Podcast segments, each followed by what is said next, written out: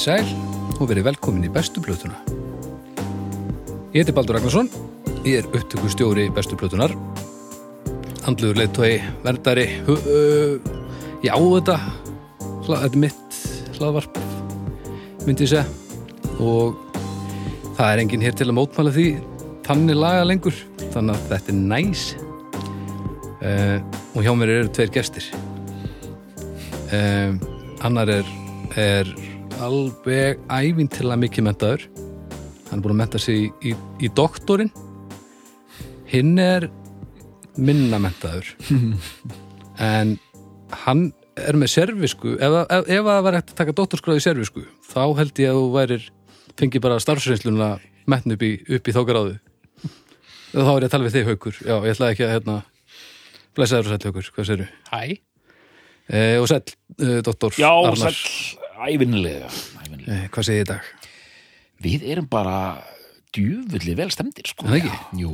Það er bara, bara haustið að koma eh, slittan er mætt Það var mjög haustgrátt þegar við keirðum hérna upp eftir aðan, sko. já, Já, þetta var þetta var ekki, ekki kósi sko. myrkur kvöldmatur Þa, þegar það byrjar, þá veit maður að þetta er búið sko.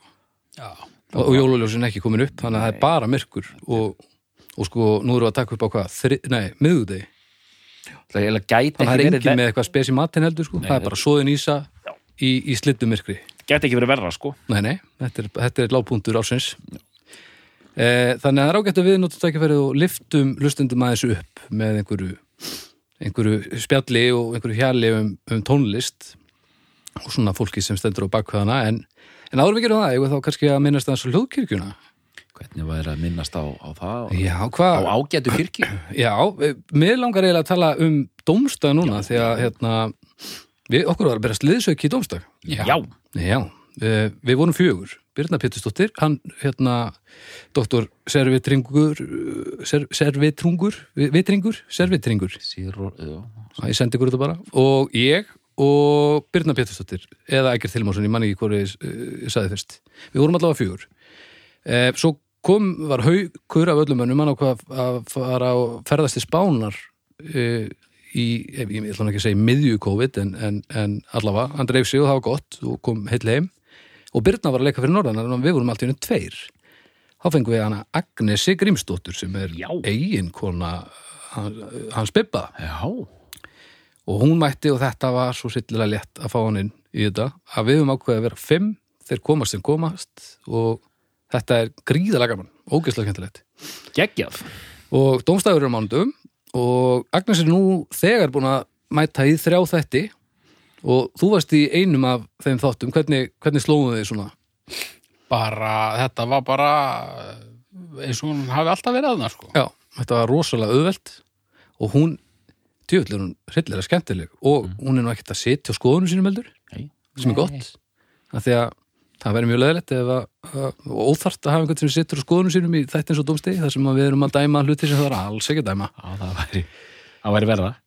en ef það hefði ekki tekkað á dómstegi já, hérna, og, og ef slittan er að bauða ykkur þá eru til hvaða margir? 100 og ógeðslega margir bara, 150 og eitthvað. Já, þættir. Já. þannig að það eru til nokkri sólarhengar þið getur dreppið nokkra sólarhenga með því að, hlusta okkur dæma það sem maður skiptir ekki máli og uh, þið finnið þetta á öllum helstu veitum ef þið, ef þið hefði áhuga að tekka á því. Um, en annars eigum við ekki bara að fara að slaka okkur í mál eh, dagsins eða, Jú. eða hvað, er er, er eitthvað trúnum sem þið viljið koma frá okkur áður eða eitthvað? Nei, Nei, ég er svona, nú veit ég hvaða plötu, ég veit hvað hljónsætt við erum að fara að tala um. Já, og ég veit hvað plötu við erum að fara að tala um. Mhm og það er Haukur Viðar Alfredsson sem stillir sem sagt, þessari plötu fram og hljómsveitin í rauninni. Mhm. Og uh, þann, þannig, þannig mun þessi þáttur rúlla. Já, það er það er uh, Guðskus útlandana. Já. fjölvistahópurinn Slipnot Já, og mér líst rosa vel á hana þátt. Ég, ég, ég laka til. Já, ég hlaka til en uh, ég er óþastlegin nú, Já, ok. Þetta stendur mér ansinn nærri verði ég að segja. Já, persónulega. Já, Er það samt ekki, ég hefði haldið að það væri bara betra, en það ekki? ég hefði haldið það líka. Nei, ég fann það í, í, í Húsker Dú-þættinu sem var nú bara síðasti þáttur Já, að maður verður dálítið viðkvæmur. já það, Já, þú veist, það var nánast, í Húsker Dú-þættinu á, á tímabili fannst mér eins og ég væri búin að klúðra þessu. Ok. og, og var, var, tók, tók kommentum frá ykkur báðum illa en let, let ekki á neinu bera og ég varði eins og hérna, eh, ég var mjög barnalegur einhvern megin og Já, eins og ég var að verja barnið mitt ok. Vá, hvað þetta fór fram í mér? Já, ég, ég, ég, þú veist, ég hérna herpti þetta inn í mér. Ok. Ég veit ekki hvort þetta vísa í eitthvað svipað. Já, kannski bara, þú veist, ég minni eins og bara, hvað þetta er sjöndi, er þetta sjöndi þátturinn okkar saman?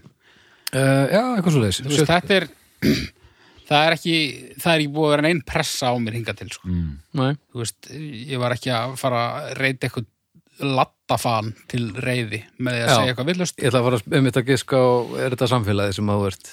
Bæði, sko, Já. líka, líka bara ég sjálfur, sko. En ef þú segir einhverja þvælu, hvað heldur að gerist? Það gerist ekki neitt, sko. Nei. Við þurfum líka að reyna átt okkur á því mitt gísk er það að það hefði verið beðið dálítið eftir þessum þætti. Já, ég hugsa það nú. Þetta er alveg í markhópnum sem er að fylgjast með þarna í umræðahópnum Mm. og þeir svona sem hlusta mest á þú veist 90s, 80s early 2000s rock en hérna og þá segi ég, þá er ég ekki við það haukur að þú eigir endilega að draga þáttinn sko, ég er bara svona að, að þetta var svona þín uh, og, og ég, ég, ég, við erum með skja- skjalið sem við erum með ég, er alveg, ég man ekkert lengur hver setti hvað inn. Nei. en Slipknot er auðvitað eitthvað sem er mjög verðugt uh, hérna, um, umfjöldurum Já, þetta er spennandi sko. Já, ég meina eh, mjög stuttu eftir að Snæbjörn nefndi þetta um að taka við af sér þá hitti ég hann uh, við vorum báðir í glasi. Já, ég er nú ekki oft uh, utandira fjarrri heimili mínu í glasi uh, orðin á 50 aldri bara gardínu alki Já, já. heima já, já. en hérna við vorum hann tveir og, og, og, og þetta var svona eitt af, af uh, annara tveimur artistum sem við vorum að ræða sko, sem að okkur langaði svolítið báðum að taka sko. Já, já, já. Og hann tók sér sagt uh, hann óði Springsteen áður en hann hætti sko, Já, já, já. sem að ég hefði annars tekið Já, ok. en hann, hann ákvaða að eftirláta mér uh, sprelli gósana í slipnót Ég held að þetta hafi verið hárrétt skipting. Já, ég, sko, mér langaði bæði en, en, en þú veist, hann ræður Réð, Takk fyrir, ég ræð. já, takk fyrir ekkert snöfn Nei, nei. Ég tek þá bara Springsteen þátt einn heima hjá mér í Já. sturtunni En hérna, segðu nú, hvað, hvaða plötu ertu að stilla fram í það? herru, ég stilli fram þriðju plötu Slipknot Mm. Volume 3 The Subliminal Verses Aha. Það er svo flóknir lagatillar á þessum Slipknot plötum að, að ég er örgulega að fara að ruggleika með það sko. Já, maður þarf, maður þarf vel að vasarekni, sko. Já, hérna, komur á orð Já, hvernig er best að gera þetta? Já, fara, Ég myndi segja að við ættum bara að byrja á sögunni frá upphafi og því gerir þetta í sammenningu já, og að því að ég held að við þurfum að fleita okkur í gegnum allt Já. og svo komum við bara hvort sem við tökum plötuna nákvæmlega fyrir þegar kemur henni eða í lokin eða hvað það kemur í ljós. þetta er eina af þessum hljómsveitum sem að það er kannski bara mín tilfinning en ég held samt ekki. Þetta er svona hljómsveit sem kom og var ógísla kúl, Mm -hmm.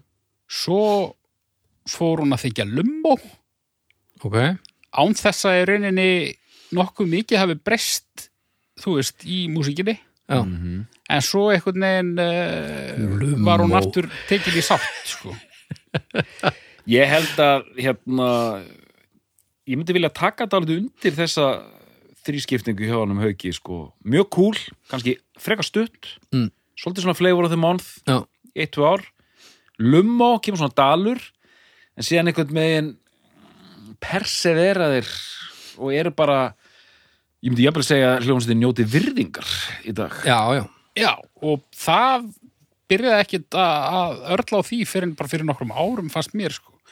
Alltaf kannski álitnir bara hluti af þessari númetal bylgju þarna Já. eh, í lok tíunda áratugar. ég ætla að fara að segja það. Er þetta ekki bara af því að njúmetal var asnalegt þá var þetta asnalegt samlega þó að þetta sé í höstum á mér til þeim segir þetta ekkert mjög njú, Nei. njú að sko.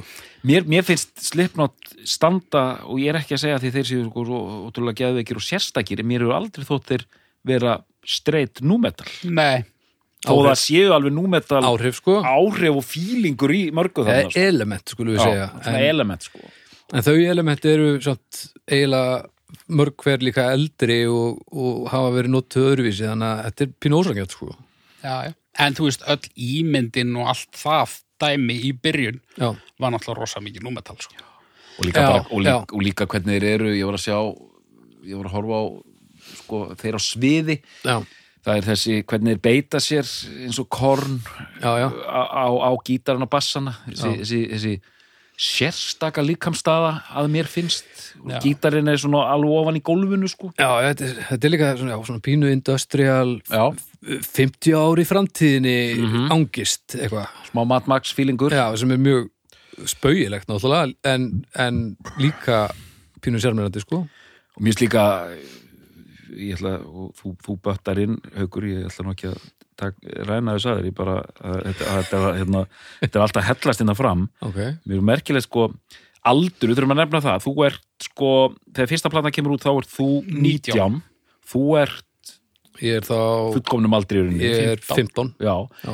ég er auðvitað orðin 25 ára Já, og þannig að ég hérna, þú tekur þessum fyrirvara eða? já bara, mér fannst þetta að vera dálítið, Já. ég var einhvern veginn alveg á milli, mér fannst þetta að vera dálítið kids stuff Já, en samt ekki, því það var alltaf fólk að koma upp að mér að segja, "Þú verður að hlusta á uh, þetta band, þetta er bara algjörlega uh, geðveikt en mér er svo merkilegt hvað maður er svag að því að maður er svo mikið svona barn, skiluru, Star Wars og hérna uh, teiknimyndir og eitthvað svona, eitthvað einfalt ævintýri, Mm. þegar koma menn með grímur og í búningum man, manni finnst þetta spennandi, sko já ekki alltaf ekki alveg alltaf en, en, en sko En að sama skapi ámaður pínu erfitt eða uh, gæti manni á- gæti maður átt erfitt með að taka þetta alvarlega.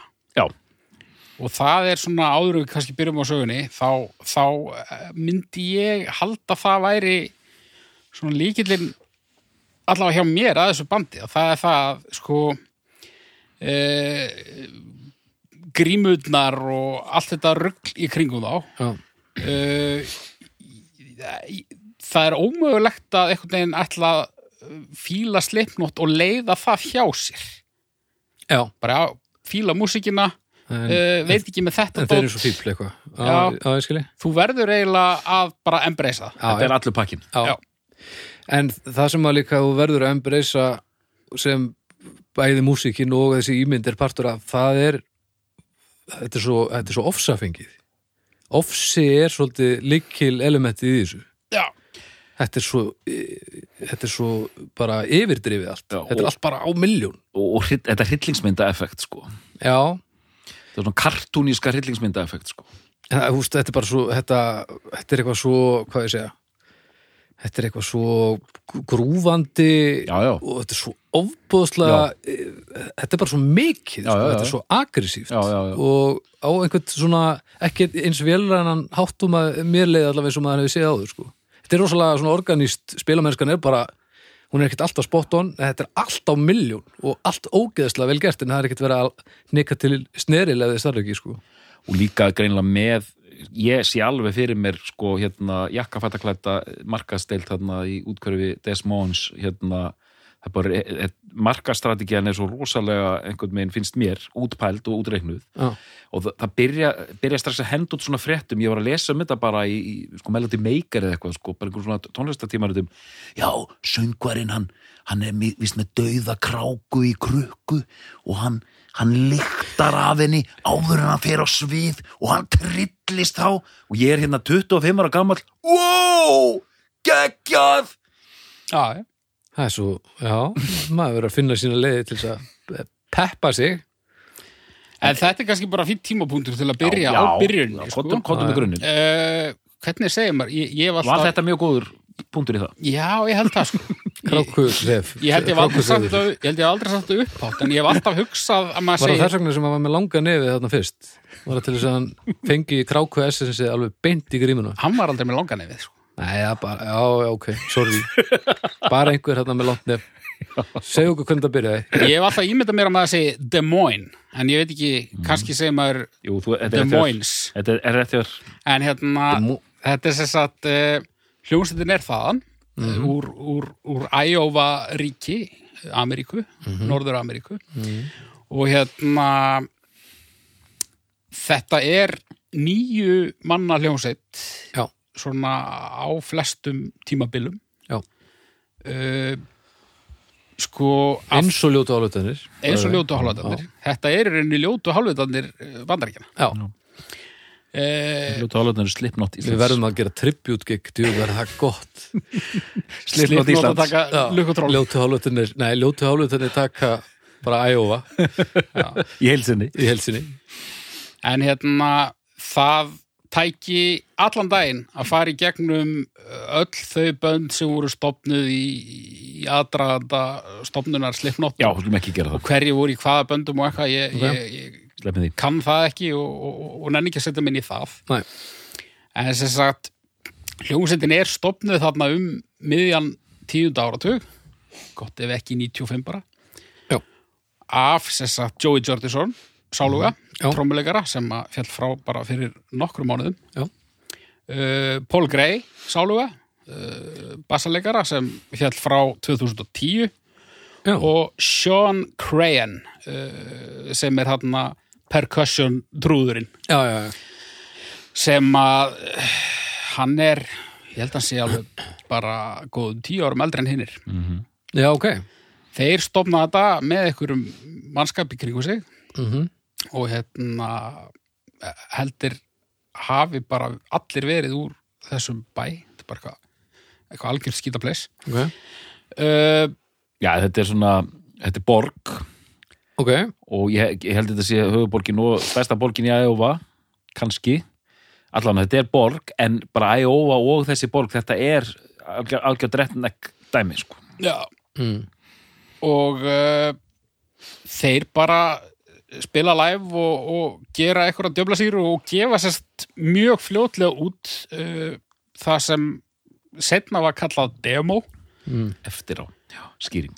Já, en var í rauninni hugsa sem plata sem er platan Made, Feed, Kill, Repeat sem kemur úr 96 og er skrítin plata. Já, já, já, ég hérna var það, já, hún kemur út 96 hún kemur út í árslok 96 kemur hún út. Uh, Ég er endinni í fyrsta skipti á efinni ok, hún að vita af henni lengi. Mm. Uh, Emmitt, ok, og ég meina Emmitt, hún sándar alveg eins og plata sem á að vera eh, tilbúin til útgáfu. Tvent sem ég tók eftir. Smá Pantera-fílingur mm, já. Primus smá, Mr. Bungle, Mr. Bungle Funk hérna uh, fýblagangur fýblagangur það er fýblagangur og svona alvarleg heitt bara, þung, en, já, þungarokk er svona mikli kontrastar sko. en, ok. en eh, ekki á góða mátar með segja, hún er rosa svona eh, hún er bara skrítin. Hún hangir ítla saman sko. það Já. svona vaðið úr einu í annað sko. Ok, en maður heyrir alveg eh, vísi af því sem kom síðar og reyndar þá og þannig er annað söngari það er annars sögari, já. Og hérna og ekki í rauninni sami mannskapur að öðru leiti að þú veist, það er, það er ekki nærði allir komnir held ég þarna til Nei, sögunar sko. En hérna þessi borg 214 manns í fyrra 2020 ok, og þetta er hérna State Capital ok, City þannig að vel gert En þeir hafa nú stólist í þessa plötu uh, bara og notað dót af henni á uh, seinni plötum, sérstaklega fyrstu og annari. Þar eru lög og, og kaplar sem að er búið að endur gera og, og, og, og, og klippi í spað og, og sauma saman áttur. Þannig að hérna, kannski að því leitið er skiljanlegt að þeir vil ekki telja hana með katalóknum. En, en þú veist, hún var bara gefin út í mjög takmörkuð upplægi bara á seti bara, ég veit ekki hvort það gáðan út sjálfur en, en þetta er allavega áður en þeir eru sænaðir síðan. Já, já, uh, af Roadrunner sem að gerist í kjölfarið og, og þú veist skiljanlega þannig náttúrulega er þessi númetall allur uh, að sæki í sig veðrið. Uh, Korn og það allt byrjaði þarna 94, 95, 6 mm -hmm. þegar að gefa út sína fyrstu plötur. Mhm. Og þú veist, Sepultura er orðnir númetall uh, þessi bylgja er bara brostin á og, og Rótrunner er að sæna alls konar bönd Mhm. sum sem eitthvað er spunnið í og önnur sem eru glemt Já. en veðið þarna á mjög já, mjög gjöfulan hest þegar að þeir sæna Slipknot á Rótrunner Mm. og fyrsta plata kemur út 1999 og það það sem þú varst að tala um áðan þetta með sko hérna jakkafatta kallana sko það, var náttúrulega strax gríðalegur þannig fnikur aðeins út í þetta kom þetta spratt að manni fannst úr engu og þetta var svo fullmótað eitthvað mjög ofsalega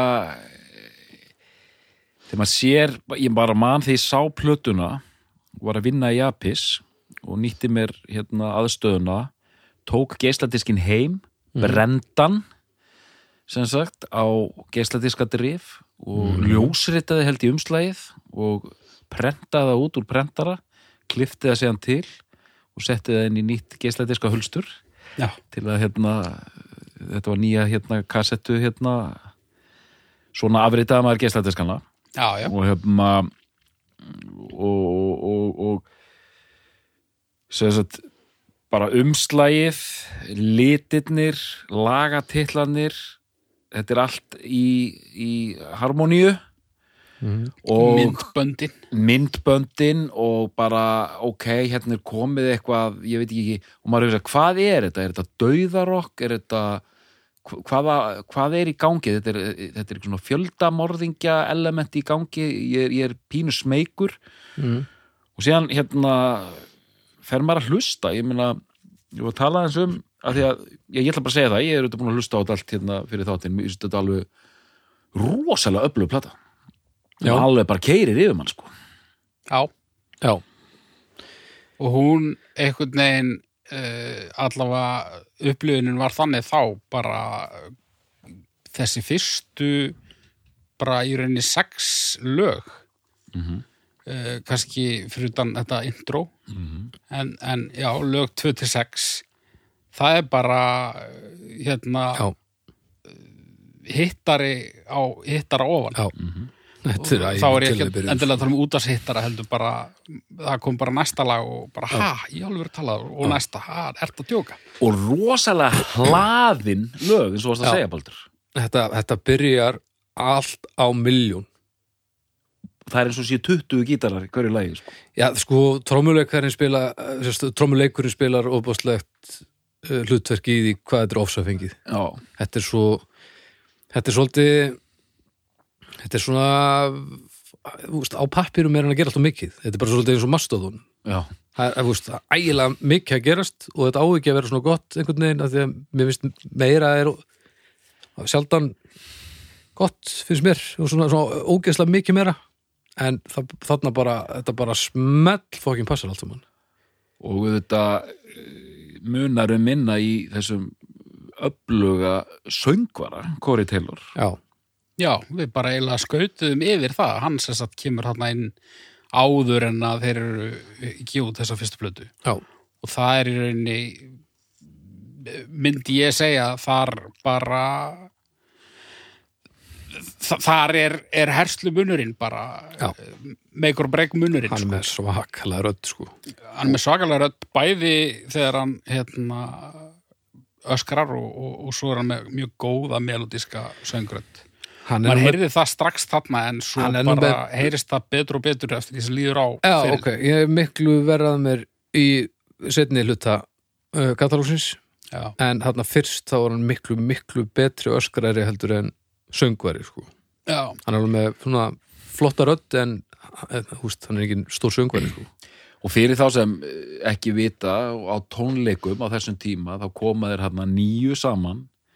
Það er trommuleikari, það er ásláttarleikari það er hérna plötusnúður það er gítarleikari, bassarleikari það var. Jöll er plötusnúður orð sem er ekki hægt að nota á þess að hljómi kjánalega af því að maður hugsa náttúrulega strax um bara einhvern svona DJ og, og eitthvað.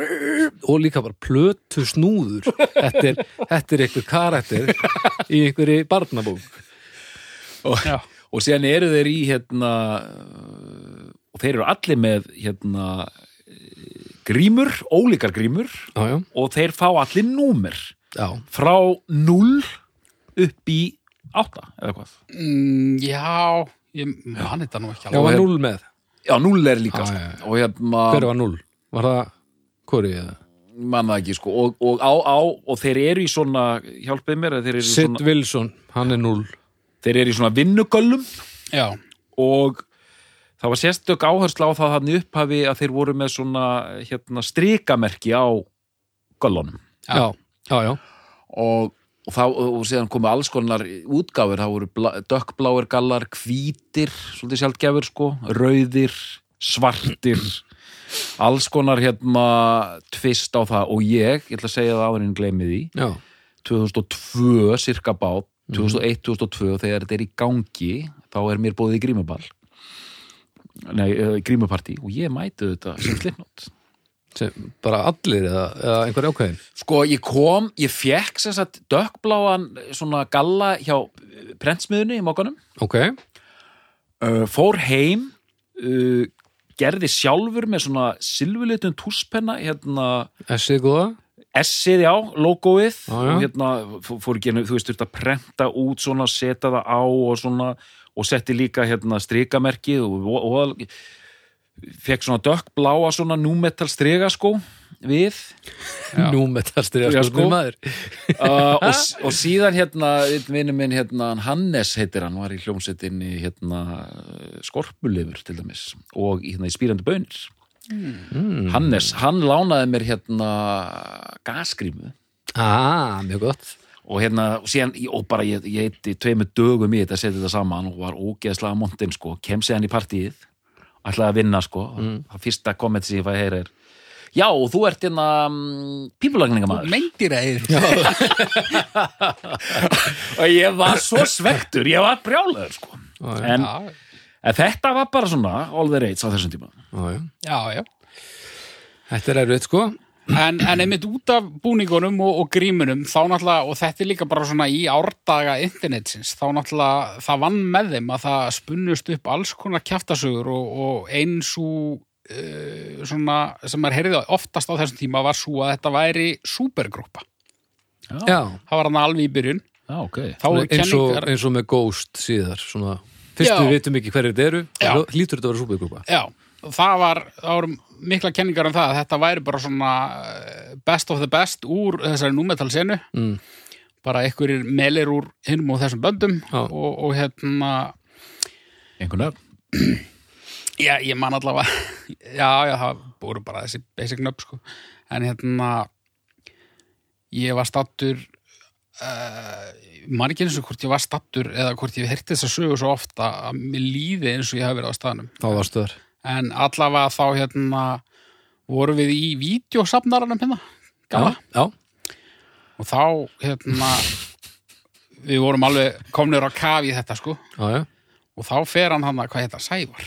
Já, já, Sævar. Hann segir, já, erum búin að heyra þetta? Þetta er hérna, þetta er gamla slepputúra. Slepputúra? Þetta er gamla slepputúra ég, ég hef heyrt selpútúra þetta hef ég aldrei heyrt. Slepputúra Ok. En hérna, við vorum ekkert að leira þetta sko. Nei, nei, nei. En svo fljótlega kom það nú í ljós að, að, að þetta voru bara einhverjir nýjir nýjir menn hann nýjir leikmenn. Þú voru ekki sepultúra með, með Lombardo á trómónum og, og, og flý á bassanum eða neitt þannig Nei, ég man nú ekki hvenar það var sem að maður fór að sjá myndir af þeim síðan, þú veist, fyrst var það náttúrulega bara svona einhverjar paparazzi myndir og svona lélegar blörraða Já, myndir sem áttu kannski að vera af, Já, já. þú veist, maður mað sló oft inn Slipknot Unmasked inn á Google leitina. Já. Og svo þarna, 2000, þá hérna fer ég í pílagrímsferð Já. til uh, Englands og sé þá þarna í fyrsta sinn, 2000 2000. Já, þú fórst á á, á tónleika með þeim, þú fórst ekki bara í pílagrinsverð Uh, jú, eh, það var senna sko. Já, þegar ég fór- til hérna miðausturlanda. En hérna En já, þetta er svo tve- tveir ólíkir. Þetta er tveir ólíkar sögur. Nei, við fórum hérna og sáum það í Brixton Academy 2000 mæ að mér minnir. Þá já. þessi plata bara en þá Þeir eru bara shit hot. Já, Já, og ég, ég man samt að þá hafði maður það samt þrátt fyrir að ég hef bara verið títugur þá hafði ég samt einhvern veginn eftir að hyggja pínu á tilfinningunni að þetta myndi vara stutt. Þetta væri svona flavor of the month skilur Mhm. en platan var bara það rosalega að þú veist, já, þú veist mér leið eins þegar ég sá Mars Volta hérna eh, eftir að gátt Deloused plötuna. Já. En það rættist síðan eiginlega. E, Maður svolta já, Já, Já, ég skil ekki þetta maður svolta uh, þetta raskast raskast slep á þeim endalust já Deloused er frábæð plata en- Algjörlega, en, þú veist, en Síðan bara fór allt í stegg já, og já. Fljótt. Líka bara, og en lita því að maður saknar náttúrulega þetta dræfin en aldrei Er, hefði er það ekki rétt með, með, með Marsvold að þeir eru mjög lélegir, mjög fljótt? Ég, mér, mér fannst þetta náttúrulega bara mjög leiðilegt sko. Já. ég, ég veit ekki hvort ég sé dómbær sko. ég hérna Ég allavega- mér fannst hún ekki öll góð þessi fyrsta þetta og svo bara tekkaði hinn og ég bara, mér dætti ekki huga að reyna að elda stuði þetta sko. Nei. En allavega, Já. aldrei hefði mig grunað þarna í mæ 2000 að ég væri að horfa á hljómsitt sem er ennþá starfandi eftir 21 ár Nei. og að gefa út sína, hvað, þeir eru að fara að gefa út plötu sem verður þá númer 7 held ég, Er ný á liðinni það er nýja leiðinni. Hvernig er hún að Svo koma? síðast að koma út 2019 er það ekki? Jú, hún á að koma bara held ég sent á þessu ári eða snemma næsta. Sjö, sjöunda platan. Ef við teljum ekki með hérna, uh, Nei. uh, flippið. Mér langaði svolítið einmitt að ná þessum þætti áður en það myndi gerast sko. ok, Það er eitthvað svona ægi ef að plata er nýkomin út þá einhvern veginn finnst mér erfiðar að Já, já, horfa á hana hlutlausum. já, já. Augum sko. Uh, ég ætla bara að lauma hérna inn áður að því út að sláum með hvað þú sást á snemma. Ég sem sagt vissi af sleipnótt áður en er góð fyrstu plötuna.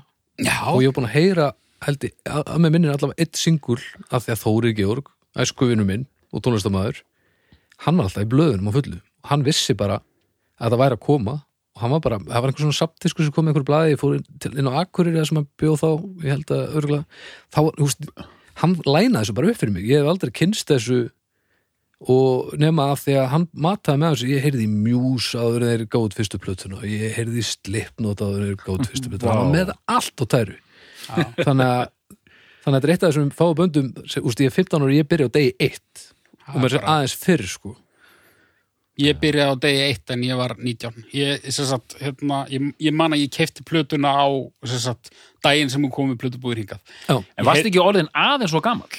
ég, Eftir á að hyggja, jú. Já, já, Þú veist, e, þegar ég hugsa tilbaka þá einmitt er Baldur á, á perfect þetta er nefnilega sko. í haustum að mér, þá er þetta ekkert mengað af einhverju njúmetali af því að ég var bara ekkert að pæli því nei, nei, nei, ég heyrði bara ofbóðslega ofsafengna þunga tónlist sem að mér fannst æðisleg og ég var ekki með neina fordóma gagvært í einhverjum elementum að því ég var bara ekkert að í, í, í því að skoða elementin, skilur við Nei. Sisti mín sem er fætt 81, hún var einmitt, hún tók þetta, þá- þá hún- hún hefur átján sko. Já. Hún tók þetta alveg sko, tók þetta inn sko. já, Mér minnir að það verið smári tarfur sem kom með þetta á einhverjum skriðum diski sem við hlustuðum á örgulega stútfullur bíll af uh, 19 til 23 ára karlmönnum sem var, sem var parkeraður ykkur staðar í hlýðarhjallanum í Kópói já, fyrir framann húsvinar okkar og, og við hlustuðum á þetta í svona diskmann spilara sem var ofan á mælaborðinu já. Og við bara göftum pælið í því hvað þetta tónlistar vina fólksmann manns er mikilvægt Mm -hmm. fólki sem dreifum mann eitthvað og læt mann hlusta á einhver djöfulin sem það heldur að maður hafa gaman að Og þessi bíltúrar í- með gæsladiskarna í, í, hérna, í bílnum sko. Mér fegin, ég kynntist Gunnar Ben ekki fyrir að því að hann örgulega alltaf að taka með á rúndin og hlusta á sönra og eitthvað sitt Já, en djöfull er þetta mikilvægt fólk djöfull er þetta mikilvægt mjög og Gunni, takk fyrir alla músikinu fyrir ekki, ég ætla ekki að vera leðri Heru, Þessi plata hún seldist í uh, allavega 2 miljónum endakaði bandaríkjunum Hvernig var þetta gegg? Já, hvernig var ekki? frábært það var algjörlega frábært sko. Varstu nálagt eða? ég byrjaði mjög framalega Já, ekki fremst en svona eh, mjög framalega Mhm. en svo bara þegar voru svona eitt og hálf lag búið þá var þetta spurningin um að halda góða staðnum uh, eða halda lífi Já, þannig að ég færiði mig bara mjög aftalega Ah. Vo- voru þeir bara að spila plötuna eða? auðmingi Það er ekki Já, mikið þeir, þeir spiluðu bara af þessar blöðu sko. Já, og, og, og, og rúluðu bara gegnum hana Já, örgulega ekki heildsinni sko. en hún var- er nú alveg Ég tekkaði nú á settlistanum en, en voru þeir Þetta var bara gigg með þeim eða? Já, það voru uppbytun og bönd en þeir voru headline sko. Ok, platan er húst klukkutími Þannig að var- þetta er alveg Jú, Þetta er alveg gigg Já, já. þetta var ekkert svona Yeah, this, this next song is a rough it's rough, it's in the works probably Nei. see it on our next album motherfuckers Nei, ég, ég tekkaði mitt á settlistanum einhvern tímann og, og það var, voru bara lög af þessari blödu sko. uh, uh, Já, við sáum það líka fyrrum daginn þá ég- man þetta mjög óljóst sko. ég hafði með eitthvað vídeokameru og þeir voru að árita í Virgin Megastore. Við vorum eitthvað, vegna að var svona mannhaf fyrir framann borðið.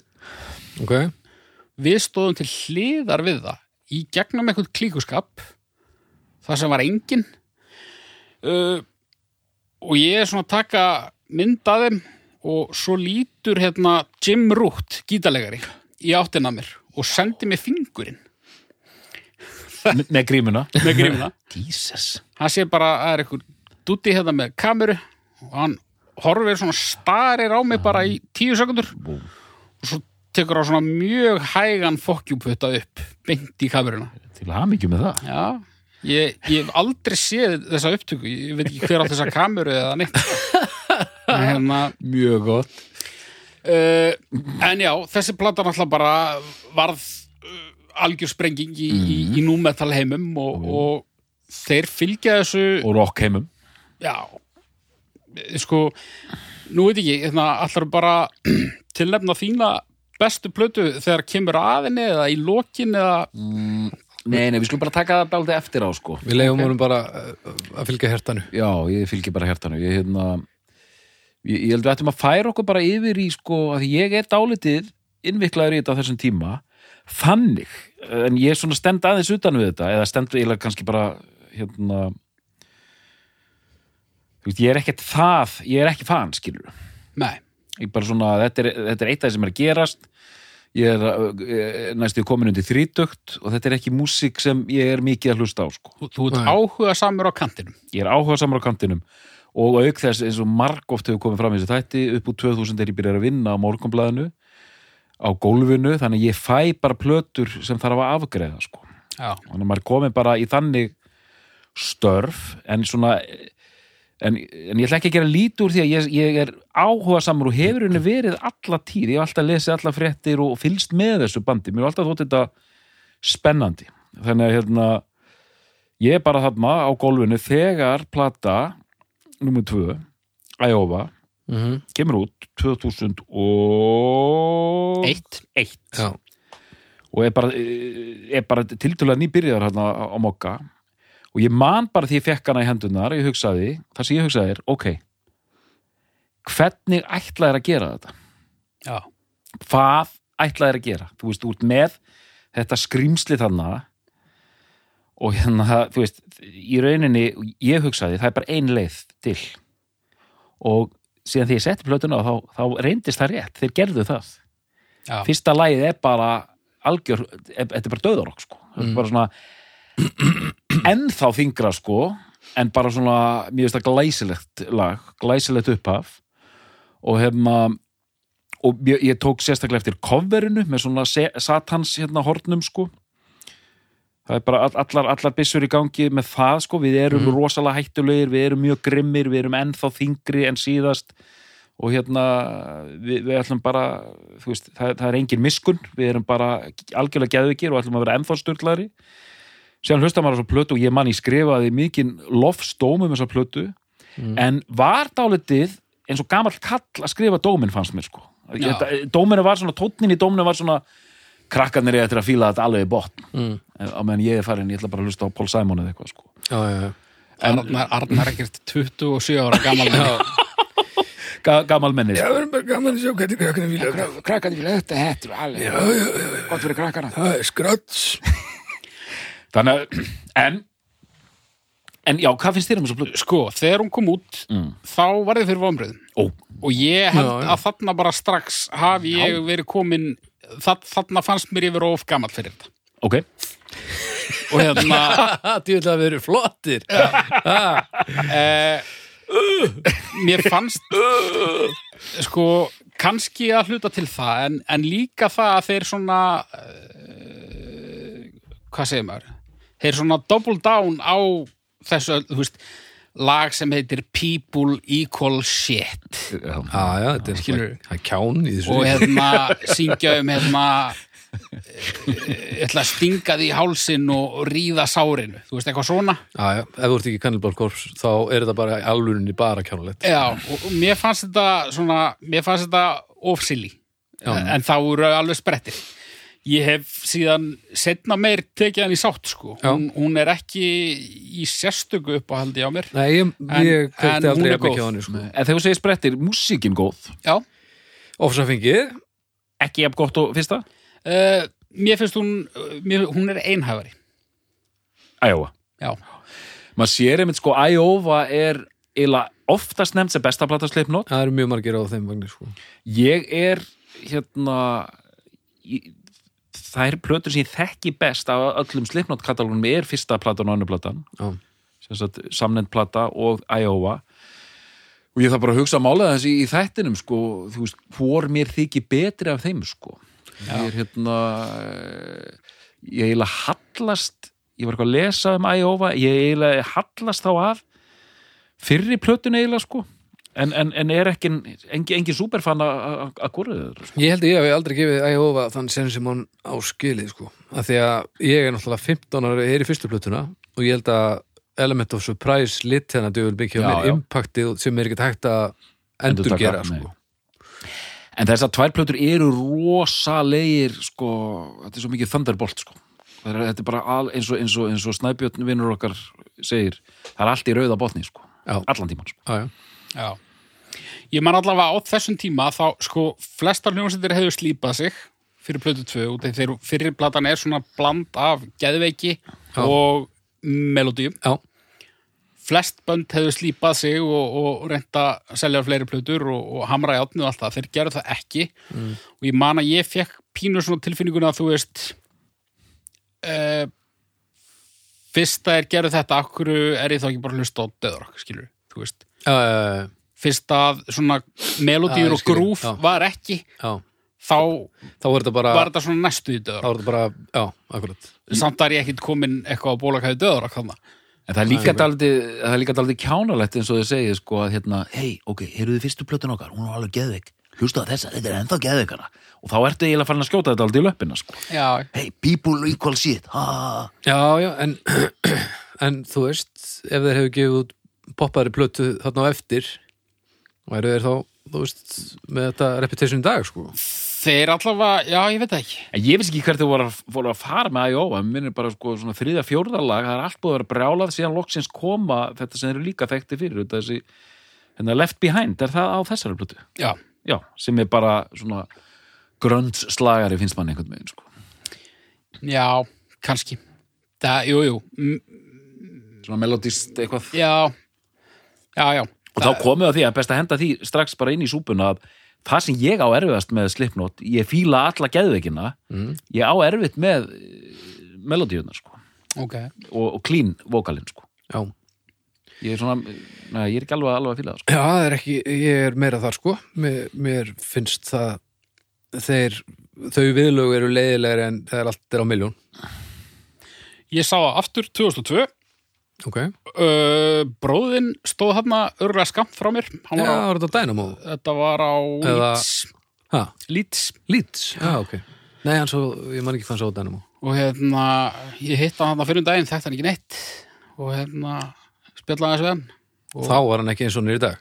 Nei, Ælu þumall, hökulaus en hérna alveg ægilega grannur, örglega appisyningulum buksum Já, hann, var það, var ég með, mann það. var hann með pinnana uh, undir vörinni alveg potjett hann var helviti njúmetala á því þarna óvart. Já, já, já.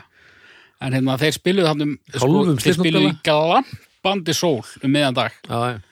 það var mjög spes en það var skemmtilegt. Uh, en nú uh, komum við að þriðurblöðunni sem að er sérst platan sem ég tilnefni. Og gaman að þú segir þetta þú er erf, erfitt með hérna uh, svona melodísku hliðina þess að þar í rauninni uh, finnst mér þeir uh, ná því í fyrsta skipti 100% að samena þetta tvent þú veist, þegar ég hlusta á lag í dag eins og Wait and Bleed af fyrstu plötunni, Mhm. þá finnst mér það eiginlega að vera drastl Mhm. Mér finnst já. þessi hérna, þessi clean söngur á fyrstu plötunni og, og það dót, mér finnst það óalega svona er ráða bara ekki alveg við þetta Nei.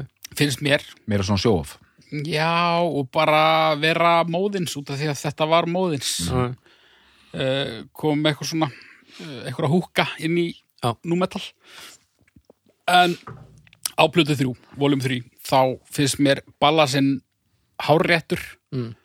og þar, sko, ok þar kemur komu nýjir hluti til sögunar gítarsóló Mhm. það eru gítarsóló á þeirri plötu það er ekki hérst áður okay.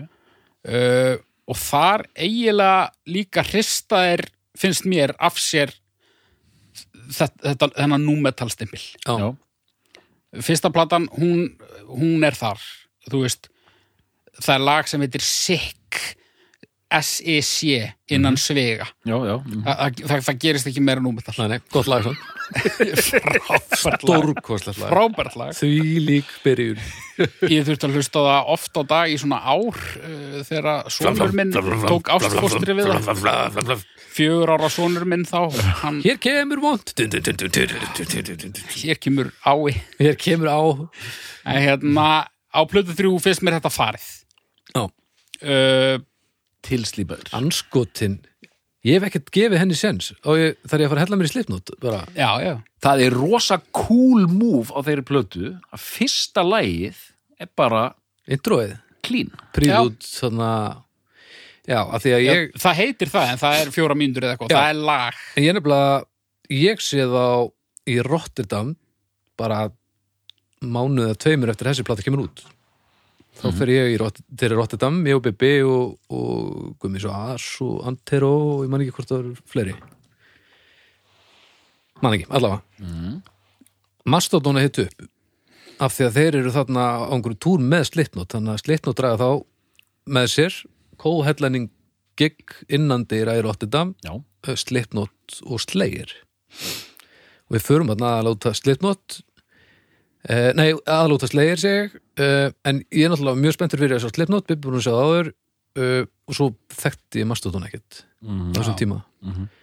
uh, þeir Slipknot voru einum færri og það gig var helviti samfærandi sko okay. en þeir voru búin að vera að túra svolítið þetta var held ég svolítið svona hvern vantaði?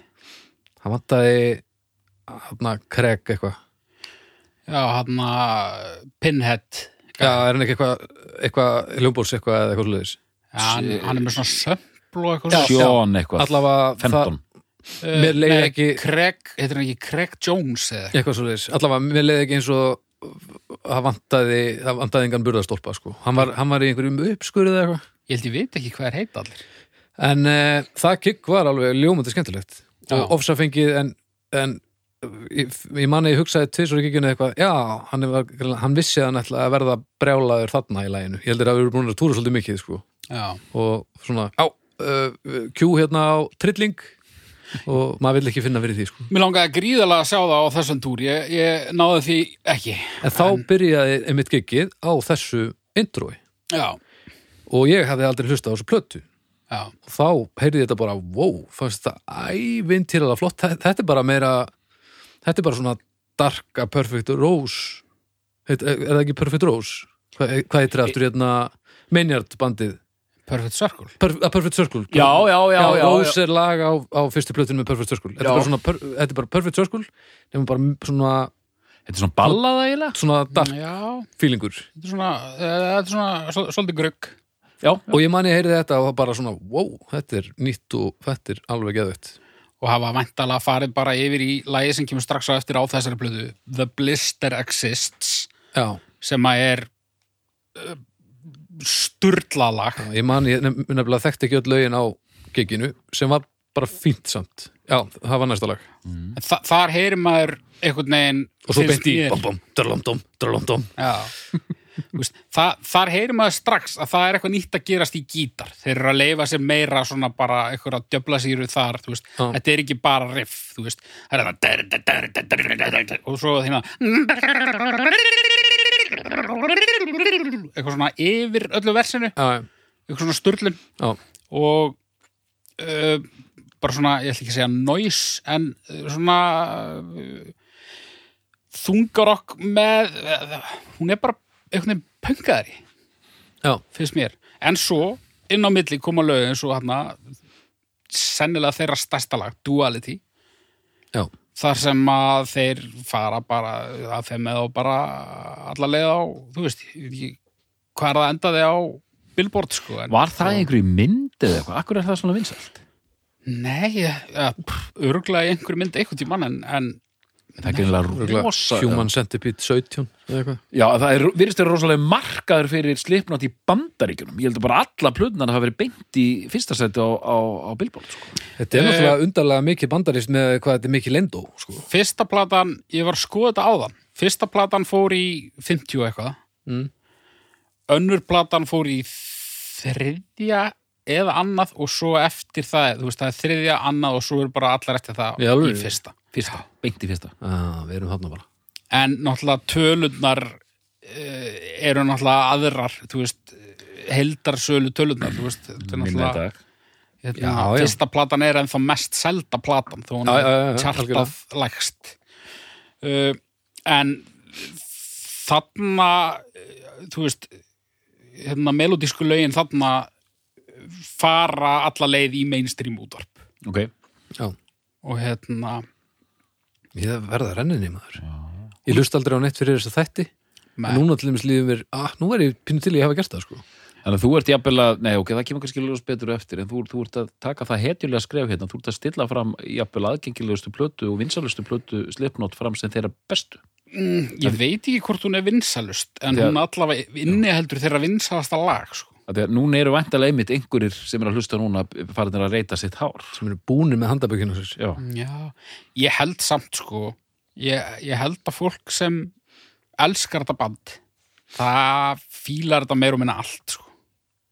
Já, þetta er engin ubega Nei, þú veist, ég held að fólk sem fílar bara gamla dótið, það hefur ekkert einu sinni tekkað á nýja dótinu. Nei. Það er bara, já, ég fílaði þetta band einu sinni. og mikið, eins og þið getur rétt ímyndað ykkur, þetta er sko, alveg guðskjöf, það er mikið svona köld í kringum þetta band, stóra aðdánda hópur, svona guðskjöf til hérna, eh, hérna, unglinga í vannliðan með svona emo-tendensa, sko. Þá er þetta bara guður, sko. Ég held að sé fyrir taka skera sig við þetta sko til dæmis En hver er markkópurinn þeir í dag? Ég átta mikið á því. Þú veist, hverjir, þú veist, er þetta bara miðaldra menn í dag? Að, Ég gæti, ég gæti sko kenning án ábyrðar að við hérna, við erum, við erum allir honir eldri menn, við erum að flytja með okkur áhuga á Metallica, Slayer, einhver svona, það minkar ekkert.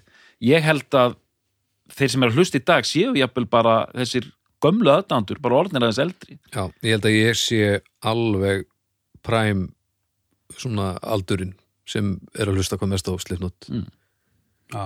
35 til 40, ég held að það sé cirka En menna 90% af fólki 90% af fólki sem hefur áhuga á músík á úlingsárunum missir áhuga á músík og er ekkert að pæla í músík þegar það er orðið færtugt, skilur En Já. samt einhvern veginn er þessi hljómsveit orðin bara einn stærsta starfandi þúgrafsljómsveit heims. Það getur vel verið að, að það sé fullt af, af yngra liði sem er að, að kveikja á nýra efni eða eitthvað eða bara stemmaranum, þetta er náttúrulega svo mikið leikús að það er ekkert mála að hrífast með í stemmaranum, sko. Að þetta er ennþá alveg svona yfirgengilega óriðukent allt saman þrátt fyrir að, að þú sett bara unglingur í dag, sko. Þetta, er alveg merkilegt þegar þú nefnir þetta. Hvernig geta þeir enn þú veist, plötunar seljast mikið plötunar kom út uh, hérna, þeir geta hlaði greinlega stóra túra. Hverjir eh, á Iron Maiden tónleikum í dag er sko afinn, pappin og, og sonurinn eru þarna allir í. Já. langafannir mættir sko. Þannig að þú veist Ég sá þá í, hvað árið, 2021 Ég sá þá í fyrra bara í janúar. Slipknot Já, Já, og mér fannst ekki mikið af ungu fólki þarna. Næ, Þetta var samt alveg full uh, fullt arína sem ég veit ekki hvað tekur marga sko. Í Rotterdam þá var þetta mjög mikið ungt fólk Já, þú veist, þetta var, nei, þetta var ekki gamalt fólk en ég sá ekki mikið af einhverjum svona unglingum. Ég fór, ég, fór á, ég fór á tónleika með kanadísku hljónsutinu Russ í Glasgow Mm. 2014 mm. ég held ég hef verið yngsti maðurinn á sæðinu Svo sem þegar- eins og ég- eingöngu. Þegar ég og Helgi Morðingi fórum á Van Morrison í höllinni. Við vorum 20 árum yngri en, Svo, en næst, svo næsti? Sá næsti og við vorum eiginlega einu sem vorum ekki með leikhús kí, kíka, kíkja, hvað segir maður? já, já, já. kíka Kí, kí, kí. Leikhús sjónauka. Já, Já, já við fórum á, á Proclaimers í, í hörpunni hérna og já, við vorum hérna nokkri sem vorum aðeins yngri en rest. Það var nú alveg þannig. Djöfull var það gott ekki Já, hér. Öss. Er ok. Er með lagalistan? Við förum bara í það. Ok, Það er intróið þarna, Blister Exist, geðveikt. Og það, svo það komið fram þannig er ég dottin út sko. Það er þetta dottin út. Þannig er ég dottin út sko. 3-0, það er lagnum með þrjú. Ok. Það er geðveikt. Uh, Outro trommið, það er bara eitt besta Joey performanceið. Ok, uh, Beint yfir í Duality, er það ekki? jú, passar. Svo kemur lagið sem er að Hvað heitir það? Fyrsta, orðið Fyrsta orðið í titlinum er afþreying. Afþreik Ég veit ekki. Opium of the people. Já, Já, ok. Geðveikt lag. Ok. Uh, Þar á eftir. Hvað? Er það S Circle? Já, býtur nú við. Já, það er hérna, já, það er skrítilega. Það er svona, það er eiginlega fólk. Leave the dust of my fathers. Þú skemmtir þessu, þetta er eiginlega, er svona, þetta, er eiginlega svona keltik fólk. Já, hann er alveg búin að selja þessa plötu upp í topp. Ég og Baldur bara ég- beinustu leið ég við gef erum heim, þetta sko við erum heim til Baldur svo eftir ég get hitt hérna konuðan í fyrsta skipti Já, hvernig verður það? og við rúllum bara hérna subliminal Já, vekjum stelpunnar og rennum þessu Lánum sér, ég man ekki hvað það heitir, en á, á ég komið trómmeintróði. Já.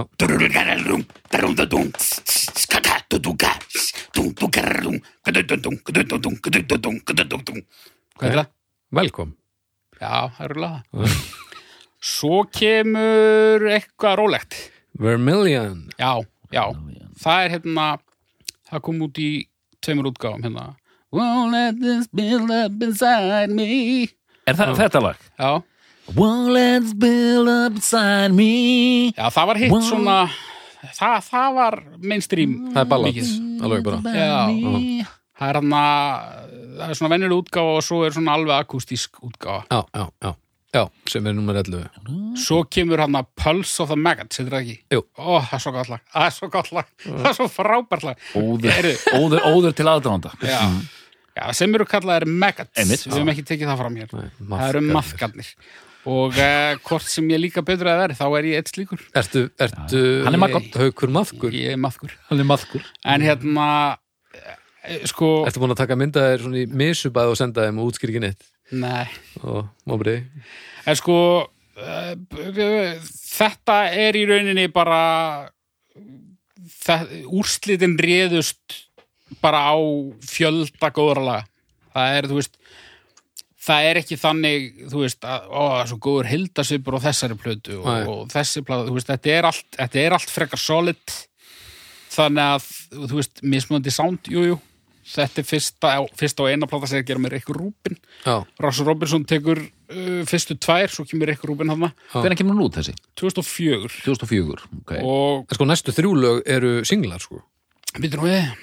Það er Before I Forget. Ó, það er náttúrulega geðvegt Svo þetta, hérna, Vermilion Part 2 Já, og The Nameless.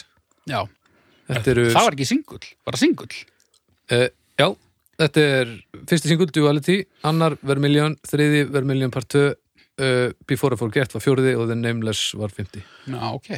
og svo Þarna, The Blister Exists. Já, það er, það er hérna á eftir intróinu. já, það er sjötti singull en þarna náður þá væntanlega að sem sagt, sanna það, þetta er þriðja plata þeirra slæri gegn, allir í stuði. Árið 2004 númetal er svona þú veist, byrjað að fjara út. Þetta er ekki jafn mikil læti í kringu það. Þetta er engin hápuntur lengur. Nei, þannig svona að þeir sigla einhvern meginn í gegn. En sko, með njúmetallið fóru það að þykja meira astnalegt eða, þessu, voru, þeim sem fannst njúmetallið astnalegt voru urðu þeir hávarari eða höfðu þeir jafnhátt og bara þeir sem höfðu gaman að njúmetallið höfðu læra á móti? Eða hvað gerðist? Mm, Ég, ég held að... Ég, eldi, eld, veist, var, eldi, var þetta bara eldast svona ógeðsla hratt ég, ég, menna, ég mann followði lítið með Colin kom út 98 Já, næsta plata var Issues, það ekki? Jú. 2001 Mhm. sem því, jú, síðan sko, eftir, Nei, Issues er 99. já, ok, ok þú veist, eftir, þú ert komin yfir 2002-2003, þá er þetta aldrei limbiskit lungu, lungu hættir að skipta einhverju máli og já, fyrstu tvær limbiskit blöndar alveg frábæra, sko Já. ég sagði þessa setningu Ég, sko, ég ætla ekki að gefa neitt upp. Við Nei. höfum alveg rætt það að taka eitthvað tíma limbiskit það. Það verður nú forvindilegt. já, já, já, já. En hérna, og Colin hefur líka verið í mixinu, sko Já, já, Korn, Frekar en að vera með- Kornflokkurinn var bara svo áhugaverður en að byrja, en við skulum, já, þetta er kannski umræða fyrir já, tíma, en ég var bara að pæla af hverju var njúmetal af hverju dóða svona hratt, var það bara því að þetta var of of mikið bara síns tíma og svo bara leið tíminn bara búp og bara, Af já. hverju er þetta svona, af því að mér finnst einmitt að við sem komin núna á stað þar sem fólk er bara, já, númetal, bara fullt af góðu, góðu dæmi af hverju þetta er ein hataðasta bara undirstefna þungaróksins bara fyrir og síðan, sko þetta þótti náttúrulega aðeins of poppað og uh, svo náttúrulega náðu þetta heims flugi mm -hmm. og þungarokkarinn er nú ekkert gefin fyrir vinsaldir Nei, nei, það er nú ekki beint það sem að gefa um hlýju hjartað nei, nei, nei, nei, nei. um, en þetta er svona já, eh, það er svona númetal hatrið var sérstaklega fólk nú aðeins fara að slaka á þessu núna fyrst mér. Já, já, en þetta er svolítið sama mér finnst eins talað um númetal þegar að fólk byrja að hata þá var það eins og þegar fólk byrja að hata disco Já, já, þetta er svona bara eitthvað sem tók yfir heiminn og svo verður bara byrja fólk að hata það bara um leið og það hverfur í einhvern ekki langa tíma og svo fer leikur það inn og bara, er, þetta er nú kannski ja, ömurlegt og mér fannst það þegar að við vorum öll sammálum það Þú veist, ég skil alveg að, þú veist, hérna, nú bara að taka raunverulegt dæmi úr, úr raunveruleikanum. Ég, ég skil vel að, að hérna, Raumurlegt dæmur, raumurleikarum ég skil vel að hann, hann Gunnar Valþórsson úr stregaskónum hafi ekki alveg verið að kaupa númetal Já, já, þegar hann kom, skilur, já, ég skilji gamla döðaroksliðið. Uh, ég nefni hann sérstaklega út af því að hann var leinivinur minn í einhverjum uh, jólavina leik þegar ég var að vinna á vísi og hann, hérna, gamli slipnott kaffibólla. Þér, Já. næs, og vel gert, vel spilað og þegar ég kom og þakkaði honum fyrir bollan þegar ég komst að hver leinivinu minn var þá sagðist hann hafa vitað að ég fílaði þetta ömulega drast en hérna en já, þannig að þú veist þessi gömlu svona sönnu þungarokkarar ég skil alveg að þeir hafa ekki alveg verið að kveikja númetal. Af hverju, fullt mikið af tilfinningum líka. Já en þú veist þetta er náttúrulega þe- þetta voru svona hálf þrítjúir menn að syngja svona tín angst texta Já, já.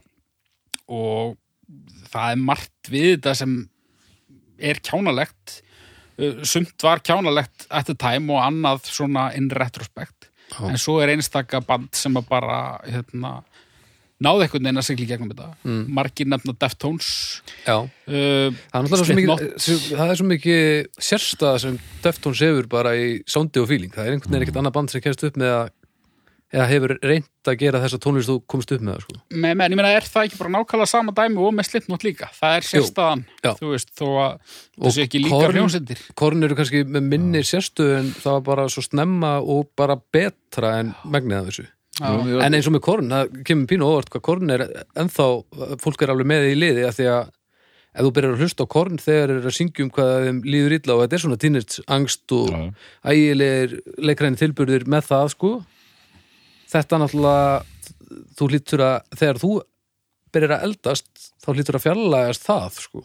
að því flestir bara En ég meina, Korn gerðu það líka og bara, ég veit ekki hvort þið tökum ekkert um að Korn þátt, en Já. þú veist, Korn hafa, þú veist ég ætla ekki að líka en við David Bowie eða eitthvað, en, en þú veist Korn er ekki að gera eins plötur í Nei, dag nei, og þeir nei, gerðu 1998 eða Nei, nei, nei, 1994 skilji, skilji þeir hafa alltaf hoppað svona svolítið á uh, nýjasta nýtt. Já, stundum hefur það gengið upp og, og mjög oft alls ekki. Já, en hérna, en Slipknot hefur breyst minna. Já, en en þegar ég hugsa tilbaka bara svo hendið inn einmitt sko Deftones alveg solid band sko. Mm. ég var mjög hrifin af veist, Korn fyrstu fjóra plötunar mér finnst það bara gott.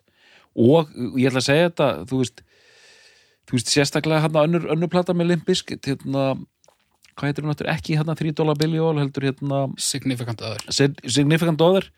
Þú veist, þetta er bara svona, þú veist, já gerum sér þungarokk með einhverju hip-hopi í bland sko. Mm. og bara, já, fínt sko, það er ekki hægt að taka eitthvað sem að, nei, þetta er bara algjörlega misefnuð, misefnaða forsendur, það var það ekki sko, ég held að fólk sé líka bara mikið að hlæja að einhverjum öðrum böndum Static X og eitthvað svona sko s- Já. þótti bara kjánulegt sko. og ég ætla bara að ljóstur upp hvort sem við ykkur limpisk þáttið ekki? Mér þótti er algjört rusl.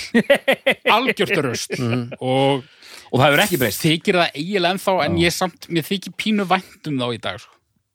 ég er alveg til í limpisk ég er alveg til í að pína mig gegnum þeirra katalóg og Þetta er- þetta er tala um Fred Durst í er ég til það Já, já, en þetta er ekki mjög hátt á, á, á hérna á óskulistanum mínum heldur Nei. sko. en, en já, e, förum, förum aftur inn á, inn á, inn á förum aftur inn á, inn á, inn á, Já. inn á braut, slipnátbraut Slipnótbröðina Uh, já, bara við erum búin að afgreða þessa plötu. Þeir voru ekki, eða Corey Taylor, söngur, hann var ekki ánaður með samstarfið við Rick Rubin og, Útrúð, þannig svo þælur alltaf, skilsum mér já, og hérna En bara svo við klárum hérna lagalistan, síðust tvölaun The Virus of Life og Danger Keep Away.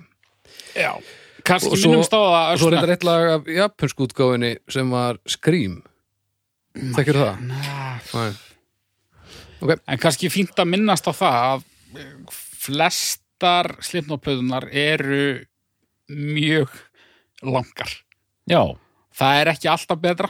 já, það, já, það er alltaf í kringum klukkutími Þessi klukkutími og nýju sekundur Já, og þú veist, þetta er alltaf einhver 14-15 lög, já, sko. já, Já. já. Og hérna, Og fimm mínúta lög Já, þú veist, það er aldrei hundar en það eru fillerar á öllum plötum ok, en það, eru, það er lítið um á þarna Hver, hvernig skilgirinnur munin á filler og hundi Hundur er bara lélegt lag. Mm -hmm. Filler er Óeftirminnilegt. óeftirminnilegt lag sem að en svona well crafted. Já, já, bara svona, já, þetta er fínt. Þetta er alveg eins og þetta lag með þessu bandi en bara verra. Já, bara óeftirminnilegt sem því er ekkert, ekkert velkraftið en ekkert illa, svona- en hundur er bara svona hundur er bara, slór. sem er bara ekki á standardi bandsins. Nei. á standardi bandsins Það er mín skilgreining allavega. Ok, Heyrðu, svo bara erum við að fara allt og hægt yfir þetta. Hvernig er það? Mér veist við erum búin að tala í fjóra tíma sko. Það er að við höfum á þessu núna já, já Fjórða platan, All Hope is Gone. Já. það er uh, hún er stundum nefnd sem þeirra sísta. Já, ok, uh, já, alveg rétt. mér Þó, finnst þótti hún- eitthvað misemnuð Hvað, 2008? já, það var, var, einhver, var ekki einhver, jú, já. Það var einhver döður, já, jú, alveg rétt. Nei, hann dó sem sagt eftir þessa plötu. Ert að tala um bassaleikaran gamla. Hann deyr sem sagt 2010 þetta er síðasta plata sem hann spilar á. Paul ok. Gray heit hann. Hvernig, úr hverju dó hann? hann tók of stóra skamt af einhverjum morfínlifjum Já, og hérna sko þessi plata mér finnst hún bara ljómandi fín. Mér fannst hún, mér fannst ekki díana varðið þegar hún kom út. Uh, kannski út þegar ég var svona hrifin af plötuna undan. Mm. en uh, það það eru alveg fullt af fínum lögum á þessari plötu. Ég var að fíla umsleið, já, það flott. Það er, endar, það er eitt með slipnátt líka. Það er alltaf það er mörg umslög að hverju plötu. Er það að tala um þarna útíðistar þeir standa bara eins og jólasveinar sko Já. á einhverjum agri Já. ég fannst þetta svo cool eitthvað, Já, töff lausn Ég held að séu til tvær, þrjár versunir af öllum umslöðurum. Sko. Þetta, er bara einhvern veginn. En hérna, uh, ég skil samt að pínuleiti að þessi plata hafi ekki kannski þótt neitt frábært hann kom út. út í þarna uh, það er aðeins búið að slípa brottin af ok, Soundið er sko Soundið á fyrstu, fyrstu þremur plötunum er svona í hrárri kantinum uh, Soundið þarna þarna heyrum maður slipnóti fyrsta skipti í svona hefðbundnu þungarokk soundi Mm. svona 90s groove metal soundi já, já, já. uh, og mér fannst það ekki passa þeim neitt sérstaklega vel þegar ég heyrði þess að plötu fyrst en þannig hafa í rauninni hljóma síðan og, og, og ég er alveg búin að taka þetta í sátt sko. Þessi plata fekk uh, bara fína dóma sko. Já, já, fjóra stjörnur bara svona heilt yfir. Já, já, og þú veist það er ekkit, það er ekkit glata lagana en Nei. þú veist, Já, við þurfum að hérna þá eru meira þess að stórir hittar á þessar plötu. En einmitt, já, sp- svona spólum svo að við getum farið að horfa líka á stóra samhengið, sko. Já, spóla hrætt yfir. Ok, þá ætla ég að taka samt fyrst 45 mínútur í að tala um lag nummer fjögur Mm. á All Hope Is Gone. Lagið Psychosocial, já, sko, strákar, sko. Við hlustum í, við, við býðum í, í, í ofvæni. Ég hef stundum áhyggjur af því að mér hætti til að vera fúll á móti þegar eitthvað er vinsælt og svona neyjast frekar af svona deep cuts, skulum við segja. Já, já, það er alltaf vel spilað, sko. Þú veist, já, veist, Enter Sandman, það er, það er versta lagið á svörtublöðunni. já. Þessi típa. já, Og ég er það stundum, ég viðurkenni það. ok Ekki meðvitað, heldur bara, þú veist, bara með svo vandaðan smekk. Já, kannski er þetta líka bara, þú veist, maður heyrir, maður heyrir lög út undan sér allt og oft og maður hætti bara að nenna þeim, skilur. já, og pínu tilgerð Og pínu tilgerð, absolutt. Dassa því. já, bara, Psychosocial, Já. sem er eitt af þeirra allra, allra stærstu lögum. já, Það er besta lag Slipknot. Það er besta lag sem ég hef heyrt, strákar. ha, Það er besta lag í heiminum. Ok Ok. Ég hef búin að segja við Arnar að ég er með glannalegar yfirlýsingar í þessum þætti. Eða eina glannalega yfirlýsingu. Og það er þessi. Þetta er uppáhaldslægið mitt í öllum heiminum. ha, Ég hef aldrei heyrt betra lagstrákar. Aldrei. Þetta, sko, Enter Sandman, Smells Like Teen Spirit, Bohemian Rhapsody, Killing in the Name, allt má þetta geta skít. ok Ég er, að- ég er að fíla þetta. ok, ok Núna, núna þarf þetta að dismantla þetta. Ég get það ekki, sko. Ég get ekki útskýrt hvað er sem gerir, sko. Ok, þetta lag, þetta er... Þetta Nú er komið að hjá Hvern- þér. hvernig lag er þetta? þetta er bara svona þetta, þetta, ok, þetta byrjar einhver introi sem er svo rugglflott sko svo kemur bara eitthvað barnaskóla riff bara bara bara eitthvað 0, 2, 3, 0 eitthvað bara sem segir mér margt meðal annars það að stundum skipta útsetningar og sound bara alveg að miklu máli og lagast með þér já, Þú já. getur tekið svona geðvegt riff og láta það hljóma svona vel.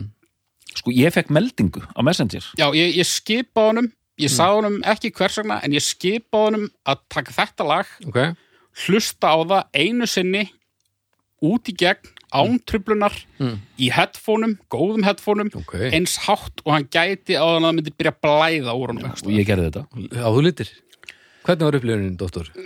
Sko, upplifunin var, og ég gerði þetta með þess að tvisvar. það er komið, það er komið heimanám þetta er alveg lagt Og sko, upplifunin var, og, og þess vegna þarf ég að fá hérna útskýringar, þetta var bara hörgutrukk, alla slipnott, en ég var ekki fyrir trúalegur upplifun. hörku trukk, djúli það Mesta understatement sem ég veit, ok, já, það er bara einhver svona sveitaballa ljósittar plata Hörgutrukk. sko allir kab, ég fæ, ég fæ gæs og Svo- þau eru öllum kablunum í þessu lagi. Ok, ok. Alltaf, Ok, já, alltaf. Inn- Alltaf þú heyrir þetta lag. já. Já, ok. alltaf, Mjög ég get hlustað á það og ég geri það reglulega Já. ég hlusta á það og bara það klárast og ég er bara aftur að play og bara nákvæmlega saman Já. og þetta eru bara, þetta eru bara líkamlega viðbröð ok, þess vegna get ég eiginlega ekkert útskýrt þetta. Svo kemur, eh, við, svo kemur viðlagið Já, sem er ógæðslega melodíst en samt þungt og klikkur röddun textin er náttúrulega ekki um neitt bara algjört kjátaði Það er okay. fleiri með svipað sögu og þú að því þetta lag er vinsælt. Ógíslega vinsælt en Ógislega gott. þess vegna hata ég að mér finnst það svona gott. Ég hata það, Já, já, en svo kemur uh, sólóið sem er fullkomið geðveikt sóló ok uh, myndbandið er sér kapitul út fyrir sig það er rosalegt en svo kemur trommu marseringarkablin í miðinni og þá er haugur komin með titlingin út sko. Er, það, er þetta lagi hana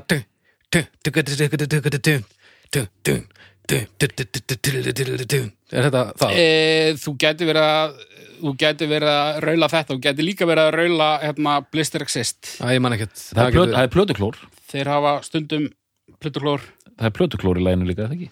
mm, jú, ég sko, jú. Það er Já, já. það, það er svona Ég heyrði það. Og, og það er einmitt líka. Þarna, þarna heyrir maður líka það eru allir með hlutverk Ok, maður heyrir það ekki í öllum veist, þeir eru nýju, stundum en maður bara, akkur eru þeir nýju, hvaða kæftað er þetta? Já. en þarna eru allir með hlutverk hérna, skratsi það er fullkomið þarna undir í viðlögunum. Mm. uh, marseringarkablin, þú veist, þú heyrir þetta er ekki eitt trommar, þetta er ekki tveir trommar Já. þetta eru fokkin þrýr Já. eða þrjá, þetta hljómur er svo þrjátjú trommar og já bara sölu ræður loki, ég get ekkert útskýrt þetta, ég bara Er þetta lag sem ég mun þekkja þegar ég já, hlusta á það? já, já, já, Ok, já, já, já, Þetta er, en þú, þetta er falleg saga þú, mátt Ok. ekki, þú, þú, þú munt þekkja þetta bara, já, ég heyrði ykkur partí ekkert mann og það var eitthvað leiðilegur að tala um á meðan, skilur. Ok. Þú þarft að gera þetta. Ég þarf, að- ég þarf að fara í eirna Já, blæðinguna eyrnablæðingin alveg og Ok. eitt, eitt ennum þetta lag sem er svo mikilvægt og ég sá það á 2013 Já, ég, ég eh, hef séð á fjórum sinum Mhm. ég sá það hann á 2013 Mhm. sem að uh, var sest, fyrsta sem, sem ég sá það eftir þetta lag kom út. Já, og svo 2019, það segir tók þetta líka og svo ef ég skoða þetta á YouTube eitthvað live-vídeó eitthvað, ok. Þá taka þetta alltaf of hratt. Já, og munar já. svo litlu í BPM Það en verður að sitja. þetta situr ekki. En á plötunni er þetta svo fullkomið Og þeir eru ekkert á klikki live, er það? Nei, held ekki. Já, þú veist, ég veit það ekki. Nei. það er þá, það er þá villust stilt Já, en hérna, það er svo mikilvægt. Tempóið er svo gott, þetta er svo já, já, þetta er svo, full, þetta er svo grúfandi og hægt en samt ekki ofhægt, þetta voru aldrei letilegt. Ok. Uh, getur við stoppað og hlusta á þetta?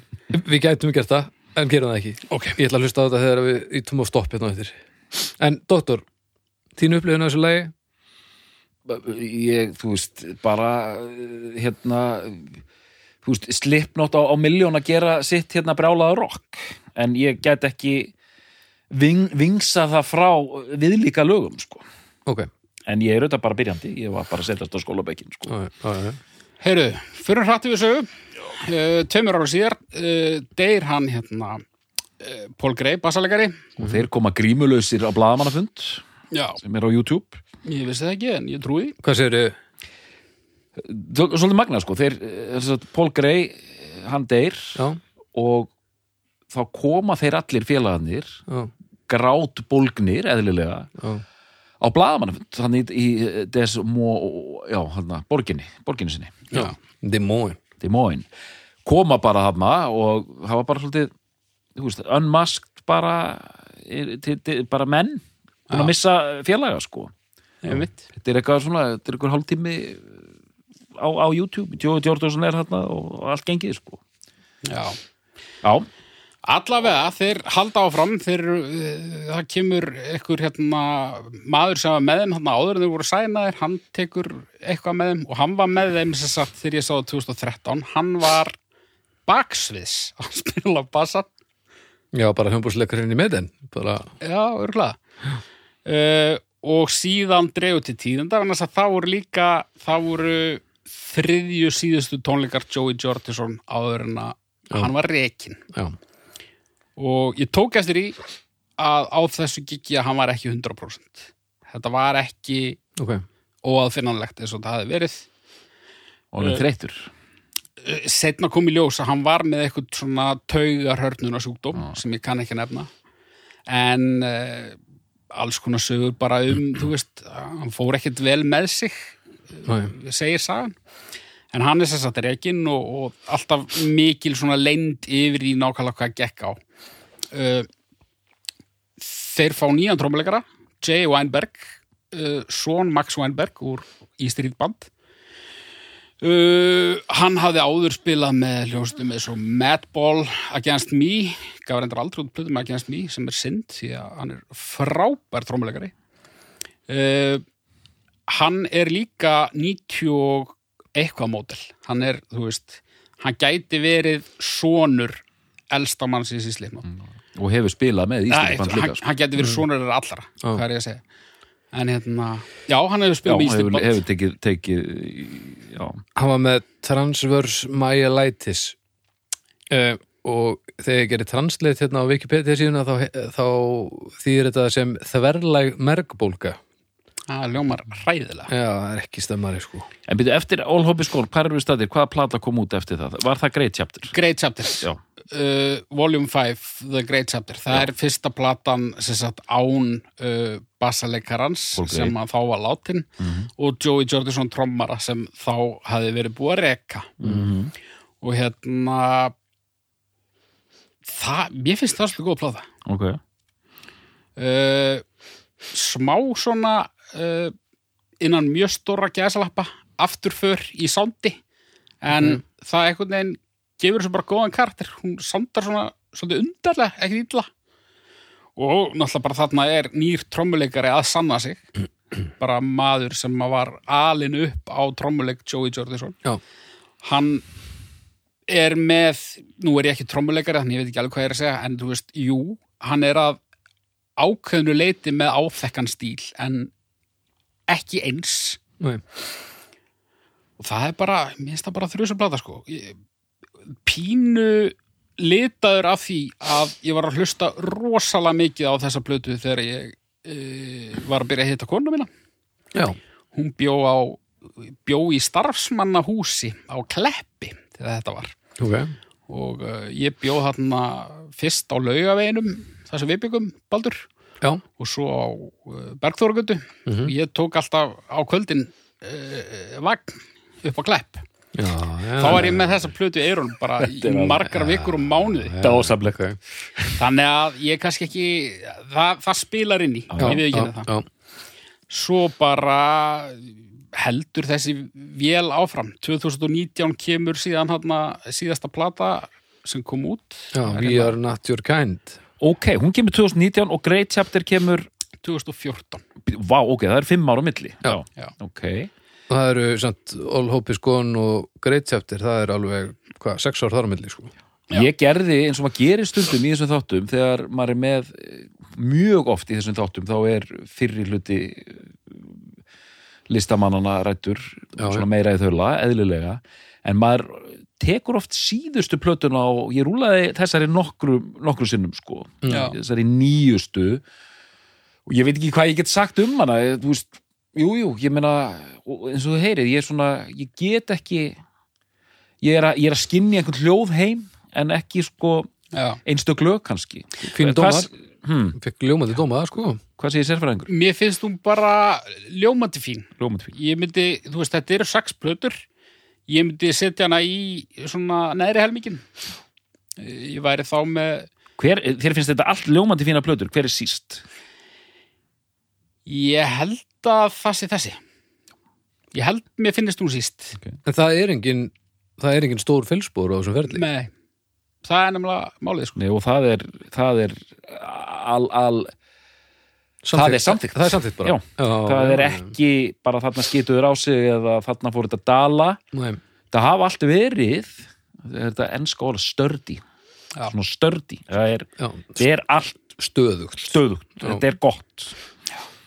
Nógu mörg augu á boltanum kannski það þarf nú ekki endilega að vera betra. Nei, Ég- og margir kokkar í eldhúsinu kannski. Já, ekki að til verið Nefna, ég er nefnilega, ég er með, ég er með ímsa ímsa punkta Kottum með þá, nú er ég bara orðin þurr í Já, hálsinum já. og nú ætlum ég bara að halda kjafti. Hérna, sko, eitt hérna, ok. Það er, það er og, og flest allt er nú komið fram þú veist, risa stór þungarúslónsett frá hérna bandaríkjunum einstök með þetta ímyndin og búningarnir og grímyndur og allt það, voða gaman. Mm. kartúnist að einhverju leiti uh, kids stuff eins og við komið, kom, komið að hérna. En hættulegt. En hættulegt og, og bara og það kom mér á óvart sko, móheður, kona mín, bara svona, svona hló henni fannst þetta svona slipnótt og hérna, ég, ég sagði bara, er alveg róleg hérna, slakaði hann aðeins á hérna ekki, ekki, ekki þetta þessu sko. Og mér finnst allir sér hvað ég stend gagvart þessu bandi, ég er einhvern veginn Seginni frá mér persónulega já, að Slipknot er betra band en Belle Sebastian. Já, nú, hún mun heyra þetta meiri segja í, í þættinum sko. Ok, svo tökum við svona míní þátt í næstu viku þar sem að þið sláist um þetta. Áþekk bönd vissulega en Slipknot Algjörlega. taka þetta. Já, í rauninni Belli Sebastian er bara að saman nema bara engi gallar sko. Já, er, nema svona, já, svona, svona hérna, hérna ég vinn á bókasamni Glasgow Gallar. Já, já, en, en hérna sko það er svo gaman að vera í þessum þætti okkar og maður er að reyna að skilja einhvern veginn hvar maður stendur að því einhvern veginn maður er verður meirari með aldrinum. Það er ofveikt að segja ég hef ekkert á móti slipnót, það er meira. Ég er áhuga samar um þetta ég, er svona, ég hef alltaf fylgst með þeim. En svona þetta var dálítið svona, þetta er ekki eitthvað sem ég setja á fóninn sko. Með en, hérna, en ég tók eftir hvað, hvað ég hefði gaman að tveimur fyrstu plötum sko, en ég ætla ekki að tala um þetta, ég ætla að tala um ég hef lesið fréttir að mig og ég hef alltaf svona kýmt við hvað þeir eru miklir svona svona sveita lúðar oft sko. Og hérna og svona það hefur dálítið farið í töðan á mér. Er, er borgarbarnið hérna með fordóma eða? Uh, að þeir séu frá svona redneck bæ? Já, og svona redneck sko útspil í gegnum ferilinn. Tveir þeirra voru eitthvað slást um daginn og þetta var bara svona wow, það var bara svona white trash dæmi stanslust sko. Ertu harður lemp of god maður eða? Já, ég fíla það. Já, þeir eru, þeir eru í því sama þú veist, þeir eru bara, en svona, þeir hafa samt svona jafnað sig, kannski meira. En eru sliptótt, eru þeir mikið í þessum? Þetta eru náttúrulega nýju gaurar og nýju mjög ólíkir menn. Þú veist, þú ert með eitthvað gaura sem eru bara að drekka jæmæstir og, og stinga að frænda sinn sem var eitthvað. Og svo ertu með, þú veist ok, svo ertu með Jim Root sem er bara eitthvað sláni með telekastir. Og þú ert með. Corey Taylor sem er bara feministi og, og réttlætisarittari og ljúfmenni þú veist, hann er samt eiginlega háar. Já, já.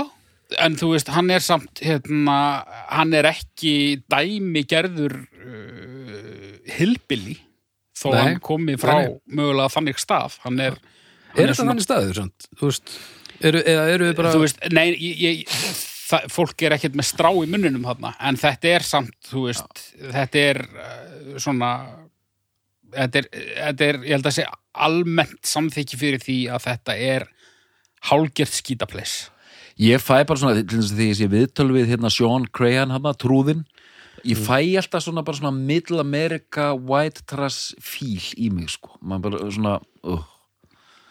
og er það, ég veit ekki hvort Er það er slæmt eða gott sko. nei, þú veist, eru það og heldur að sé staðarendi eða er þetta fordómar þér eða hann er náttúrulega bara frekar astnalegu ná ekki, sko. Er já, hann er það, sko en þetta er rosa mikið hans hugarfóstur uh, allt ímyndar uh, væs, sko. Hann er samt ekkert eitthvað tíu árum eldri heldur en allir hinn síndist mér á hann hann er 60 hvað, 7 eða 9 mótil mér mig, 67, hinn eru bara úst, 70, 71 eitthvað. Ok, upp í 73 og svona nýju trómarinn, hann er fættur 90 já. Sen er sko, ég, ég tók eftir einu það var mikið sjokk þegar Jóti Jóttisson lest bara núna fyrir stuttu. Mm -hmm. Og komur á óvart sko, það voru margir sem stigu fram, svo Danni, vinnu minn hérna Maus, Já, hann sagði bara uppáhaldstrómara minn, já, bara besti trómara allra tíma. Og svo, svo mikið af, af, af svona hérna viðbröðum ég nefnilega það kemur svolítið óvart hvernig þú talar. Ég held að Slipnund væru viðurkendari sem sterkir áhrifavaldar uh, og til góðs.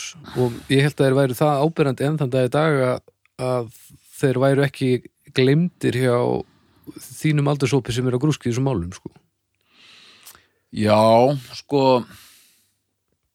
en ég er náttúrulega alveg í, í hitanum aldursvæsir ég alveg í suðupunktunum á sleipnót sko. þannig að kannski Já, Ég er náttúrulega líka markhópurinn, sko, þú ég að- sé þetta Þú allt ert að saman. tala við Arnar Egert sem er svona, þú veist uh, hans aldurshópur, þú veist, hann er ekkert að umganga sama fólk og jói á lagarnum eitthvað staðar, skilur við, þú veist, þetta er hérna Nei, en ég en, veist, eh, Pitchfork er ekki að gefa Slipknot einhvernir. Já, nei, nei, nei, nei, nei. En, en ég að meina kannski líka þar eru þeir glemdir Nei, líka bara því að þú ert hérna bara sem fræðum sko, Já. að þetta hafi ekki meira, ég hefði haldið að þetta hefði meira vægi í heilanum að þér verandi það sem þú ert en það sem mér finnst ég vera að fá frá þér já Já, ég er svona, þú veist, ég ætla að fara að reyna, reyna að líka það með kiss á einhvern hátt, sko. Það er kannski ekki alveg rétt. Það er, væri pín dónulegt gagvart kiss. Já, já. Svona að st- að stærðargráðu væri sko. Og ég, ég, ég, mér finnst ég ekki geta sagt að það sé hægt að taka slipnót á hún léttvægan hátt. Mér finnst það ekki vera e, e, e, Nei. gó- góð lýsing á þessu heldur sko. Um, ég þarf kannski áðurinn ég held áfram að heyra sko hva, hvernig, hvernig er þín aðdán á þessu bandi haukur? Því þú segir þú ert, þú ert, þú ert, þú ert svona þú, þetta band stendur þér mjög nálagt en þú ert líka með smá svona á, á hliðalínu getur það einhvern veginn sko. Uh, já, ég hef bara farið í marga ringi í kringum þetta sko. Og þú veist, kannski á árunum svona 2005 til 15 þá alveg lækkaði ég í slipnót þegar ég stoppa á rauðu ljósi sko. Mm en, en núna er ég bæði orðin það gamall að mér er drullu saman hvað fólki finnst. Já, já, það er en það er líka bara, það þykir bara ekki lengur neitt sérstaklega lúðalegt að hlusta á þessar hljómsett þannig að þetta er vandamál sem er ekki lengur til Mér staðar líður aðeins með Slipknot eins og ég held að Slipknot séu aðeins það í tónlistarheiminum sem svo myndirnar eru í kvikmyndaheiminum.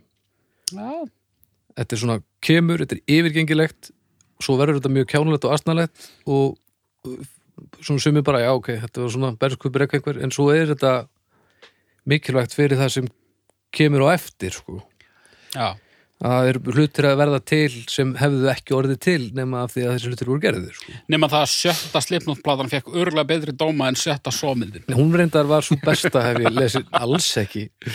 Nei, ég held sko, þetta er góðu punktur hjá þér Baldur þarna áðan með fræðimennskuna. Ég held hérna já, veist ekki að fíla þetta svo dæmi já, allt bara frá- fyrir já, já, já, hérna, ég fór bara beint út úr því sko. Hérna, Nei, ég, ég, best, best fólast, hald, haldið áfram með svo. Nei, nei, nei, nei ég, var, ég var bara slálegt Já, þetta strengi, nú skal þú fræði mann okkur alveg. Nei, ég, að, að, að því að það eru tveir punktar hérna í haustum, það er þetta, þetta, það sem haugunefnir pitchfork. Að þess að ég held einmitt að Slipknot sé, sé léttvægir fundnir af öllum sem er að strúka sér haugunar og þykjast hafa eitthvað vit á músík. Ok, ég, ég, það er svona tilfinningi mín sem áhrifavaldar líka uh, sérsagt bæði tónlistarlega og líka eins og meðan sem trommara og ég, ég ætlaði líka að segja ef, ef fræðimenn myndu fara nálægt Slipknot, Mm. hérna einhver svona tónlistarspekulundar, ég held að þeir myndu aðalega vera pæli í ímyndinni og þessu hérna nú ætla ég að se- segja upp á svona þessu teater í kringum hérna Já. sveitina já, já. Ég, er svona hrættur um að þeir myndu sveiflast miklu meira í það og gleyma dálitið músíkinni sem mér finnst, og nú vil ég færa mitt aldrei aftur á hana, mér finnst hún vera mjög áhugaverð, sko raunir hræri grautur af svo mörgu sem var að gerast á þessum tíma já.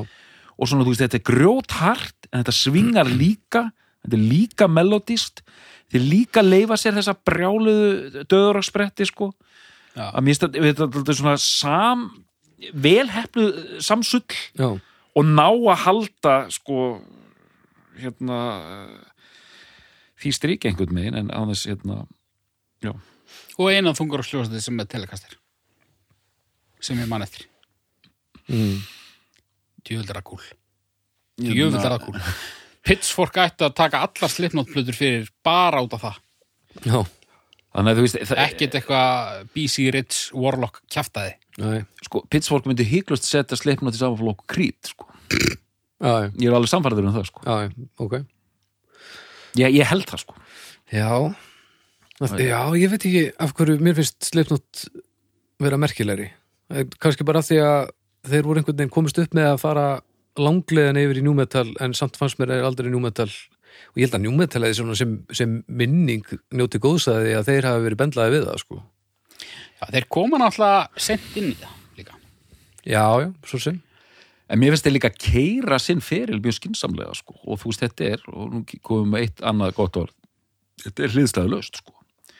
Það er ekki einhverja þrjár, fjóra slipna hljómsveitir í gangi, sko.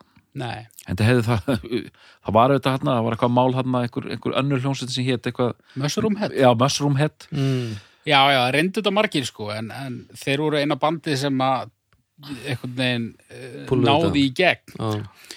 Um, Já, og svo náttúrulega, þú veist, jú, þessu, þeir hafa stjórna sínum felli vel en, en þú veist uh, þetta hefur samt örgulega verið gert að einhver leiti on the fly, þú veist, hérna bregðast við því að númetallin er, er, er úti uh, bregðast við hérna liðsmannabreitingum og, og þú veist síðan hérna allt í hennu hætti það að vera lendamál hverju þeir væru, það var eins og nú rosalega mikið lendamál já, sko á fyrstu tveimur eða þremur plötunum þá voru alltaf með yfirlýsingar um að þetta var í síðasta plata þeirra.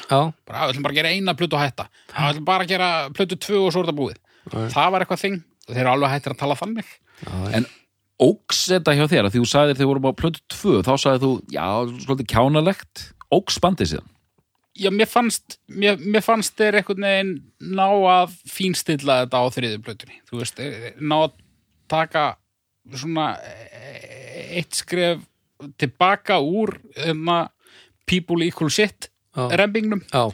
Svona skref frá uh, tískubilgju sem mun taka enda yfir í eitthvað sem geti lifað af. Já, Já, Og þú bæði veist- soundvæs og, og bara feelingsvæs. Já, og maður heyrði það bara um leiðum kom út eða ég heyrði það um leiðum kom út bara ok, þetta á eftir að eldast mikið betur Já, heldur en já, það er sem ég menna sko. Og, já. og mér finnst það ennþá. Ok, En það er líka eitt sem ég hérna, svona, nýt um að hérna, hérna er þetta ekki band sem tekur sitt full alvarlega? Þetta er band sem að uh, ég held ekki. Ég, ég, Jú, ég held að ég held að trúðurinn hann, hann, hann er ekkit að grínast sko. Nei, nei, nei, mitt og, Þú hérna, það er hræðilegt að heyra. Hann er alveg voðalegur sko. hann, og, og þetta minnir mig pínlítið á sko, finnnustu hljónsveit allra tíma Túl Já, sem fer í svona 20 ringi í, í að, hann, hann er svo alvarlegur, hann James Maynard að, að hann verður auðvitað sprenglægilegur og nota bene ég dyrka Túl já, já og, En hann er alveg með tangin tík samt líka í þessum hliðarverkefnum Já, já, eitthvað, já, eitthvað wrestling sitt og eitthvað svona Já, já, sko. og einmitt hann púskifer og, já, og einmitt og hefur verið með eitthvað bara uppistand. Já, já. Að hann er, hann er, hann er Ó, djúvel var ég ekki til í að sá það. Þú lítur að vera langt. Almáttur Hann er ekki með röddina í uppistand Mér líður ekki þannig. Þetta, þetta, þetta, það er en allan já, en með slipnátt sko ég, ég, er- það er eitthvað, það er, ós, það er einhverju ósvarað hérna sko hérna, ég er ekki ennþá búin að svara þarna með eh, og ég veit auðvitað ekkert hver staða bandsins er hvort sem verið að skrifa um hann í einhverju journalum eða ekki sko Nei. eða Meina- hvort að Pittsburgh er að hlaði einhverjar hérna útektir sko Ég meina þetta er ein af sennilega þremur stærstu starfandi þungurásljónstum í heimi Já. og þeir eru ennþá að gera þú veist, fyrirlið þeirra er ekki fram að dala þrátt fyrir að uh, innan mjög stóra gæsalappa að þeir sé ekki lengur relevant ef Nei, að nei, það nei, er hérna, en þú veist við, við erum ennþá bara pínu í ringiðinni þó þetta sé ekki ennþá eitthvað svona eitthvað táningasprengjan sem þetta var. En við erum ekkert að horfa í það, það Þetta verður ekkert meiten úthald sko. Sennilega ekki, en ég held einmitt mörgu ósvarað út af því að þetta er bara langt frá að vera búið. Já, sko, brandið heldur alveg. Ég, ég rífst álítið af böndum sem ná, það er, það er eitthvað í byrjun upp og niður eitthvað svona, koma, það er svo menn komast á eitthvað svona, það er plata á svona fimm ára fresti Mm. og þú fæðir fréttaveiturnar alveg reglulega, alltaf með einhverju, sko. Þetta er mögulega að fara að gerast, við ætlum kannski að fara að taka upp og, Já, og, og, og alltaf einhverju yfirlýsingar. Næsta plata er þingsta plata sem við gerum eitthvað svona. Já, já. Svona eins og hljómsætti gera, þú veist. Svo eiga er eina í skúffunni, víst, sem að er kallað Radiohead blöðuna sína. ég var, ég, var, ég var að hugsa um Radiohead bara núna sko. En þá er það bara slitnótt plata nema það er einhver einn auka aðili sem er með svona útvarpsgrímu svona, sem er í alveg útvarpshöfuð það er eina sem þetta eftir í hug sem eitthvað Ég var að hugsa um sko að það var Coldplay var alltaf með yfirlýsingu, það kom út Coldplay-plata og séðan alltaf næsta plata verður rosalega experimental. Síðan kom bara einhver svona Coldplay-plata glang, glang, glang, glang, glang, glang, glang, glang, glang, glang, glang Ok, það þrjá bara, næsta plata verður experimental. Síðan bara alltaf sömu plötunar Þeir tóku sérst víst upp eh, heila plötu þarna eftir eh, að hann dó hann að bassaleikarin Já, sem að var bara þeir, bara eitthvað flip. þeir tala um hana sem bara tilrauna mm. kjaftaði sko. En ég veit ekki hvað það þýðir. En hérna en, en aldrei heyrst neitt af henni. le- leipilinu leist ekki á hana og þeir bara en, Engin leki? Nei, en þeir, þeir segjast samt alltaf að gefa hann út á einhverjum tímapunkti sko. mm. en hérna gera það, bara, gera það núna hana. Djöfusins tís leiðindi en hérna Arnar. Já, þú skuldar hver er besta band? Ég, ég vil heyra það, þú veist, áður en að, að Æjóa. hérna, Baldur rukkar þig. Æjóa, Æjóa. Æjóa Ég ætla, ég ætla að gefa henni fyrir, fyrir grimdina og, og, ráðan ég, ég vil bara við slökum okkur yfir í uppgjör núna Já. og þú byrjar að vera doktor og Ok. ferði yfir þetta mál Hérna Slipknot, band sem einmitt og að það komið fram þessir sérstaklega fyrstu blöðin þessi System of a Down tendensar fóru dálítið í töðunar á fyrstu blöðunni. Já, fara að minna í töðunar á mér í dag System of Down Tendensar Get to California það er samt miklu minna leikhús í þessu hjá en System of Down Já, já það er alltaf bara, við erum að tala um þarna óperu versus brúðuleikhús sko. og hérna og sett disclaimer með ég er ekki sem sagt ég, ég, ég, ég hata ekki System of a Down nei, maður ágætt að hata System of Down. Nei, maður á veist, bara, jú, maður á að hata, eh, maður á að hata gítarleikarinn í system átam. Já, er er hann tussi? Nei, hann er bara leiðilega rödd. Já, allavega, en, System of Down, stórkosti tónlist en þeir mættu alveg syngjum ekki neitt eh, sem þeir eru að gera, nema þeir mættu segja bara la la la mínu vegna af því að það væri bara betra. Já, ég er ekki ósamlegar en ég hef aldrei pælt í þessar tengingu en þessari já. já, ég myndi að ég, eftir að hafa hirti segja þetta þá finnst þú bara að vera gammal skrititt kall en þú veist hvað kalla ég er að vísa? Já, já, já. Þetta er System of a Down. Þannig að getu Kalifornia og þú veist alls konar meira sko. En þú veist, þetta er alveg korn líka og þú veist. Ah, herru já, segðs að Slipknot ót, og, uh, hérna eins og við höfum bara farið gegnum alveg einstu kljónsett og hérna þessar fyrstu tvær plötur alveg snar brjálaðar mm. og maður bara, þetta er bara svo að vera með hár, hérna, þetta er bara svo að vera með hausinn fyrir framann þótturhefil sko, Já. útrúlegt sko. Næsamt og það er fyrst alltaf að vera hárblásar en fórst færðir yfir í þóttir yfirlina þú tókst eftir Hárblásarinn var aðeins það var mjög veikur Já, sko aðeins sko. Þannig að þótturhefilin hérna, Betra múf, gott betra múf, já, og hérna og sko sko fyrsta platan er ótrúlega sko en fyrir mig persónulega, mér finnst önnur platan bara frábær og, og hérna og bara vel gert að geta ge- gert aðra plötuna svona vel og bara grimm og brjálu og bara og mikið stuð. Þannig að það vera besta sleipnum platan, segjum það og hérna og bara gaman að þessu, mjög gaman að spjalla um, um sleipnót Takk fyrir mig. Ég verða að renna þessar plötu af því að fyrsta er semst mínu uppáhald en það er rosalega tilfinningatengt held ég. Bara, impaktið af óhörnum Baldri. Mm. en svo vill svo til að við haukur, haukur við erum mjög oft sammála um svona hluti. Ég held að hann gæti haft rétt fyrir sér. Mm, en ég þarf bara að gefa það í sens um, en haukur, þitt uppgjör Já, sko Æjóa er þú veist, ef að einhver þeirra er með svona sterkasta heldarsvipin, þá held ég þessi ekki nokkuð spurning að það sé Æjóa mm. uh, Þriðja platan eins og ég kom inn á áðan mér finnst hún sterkust út af því að þarna hrista er af sér númetalslenið Mhm. og gera plötu sem að ég held að sé mjög mikilvæg á þeirra ferli og í rauninni platar sem að svona varpar þeim úr númetalnum og yfir í bara þann feril sem þeir eiga ennþá í dag. Ef að þessi plata hefði verið léleg þá hefði það sennilega verið, væri enginn að tala um slipnót í dag. E, frekar en Static X eða Mudvayne en hérna uh, skemmtilegir kontrastar uh, mikið að vinna með þú veist, hérna bara svona til skiptis uh, róleg lög svona midtempo grúfandi lög og svo garg og geðveiki. Þannig að þetta er svona eitthvað fyrir alla. Og svo bara ef við setjum þetta bara upp í Excel þá eru þetta þá er þetta mesta magn góðra laga af plötunum 6 þannig að ég held mig við plötuna.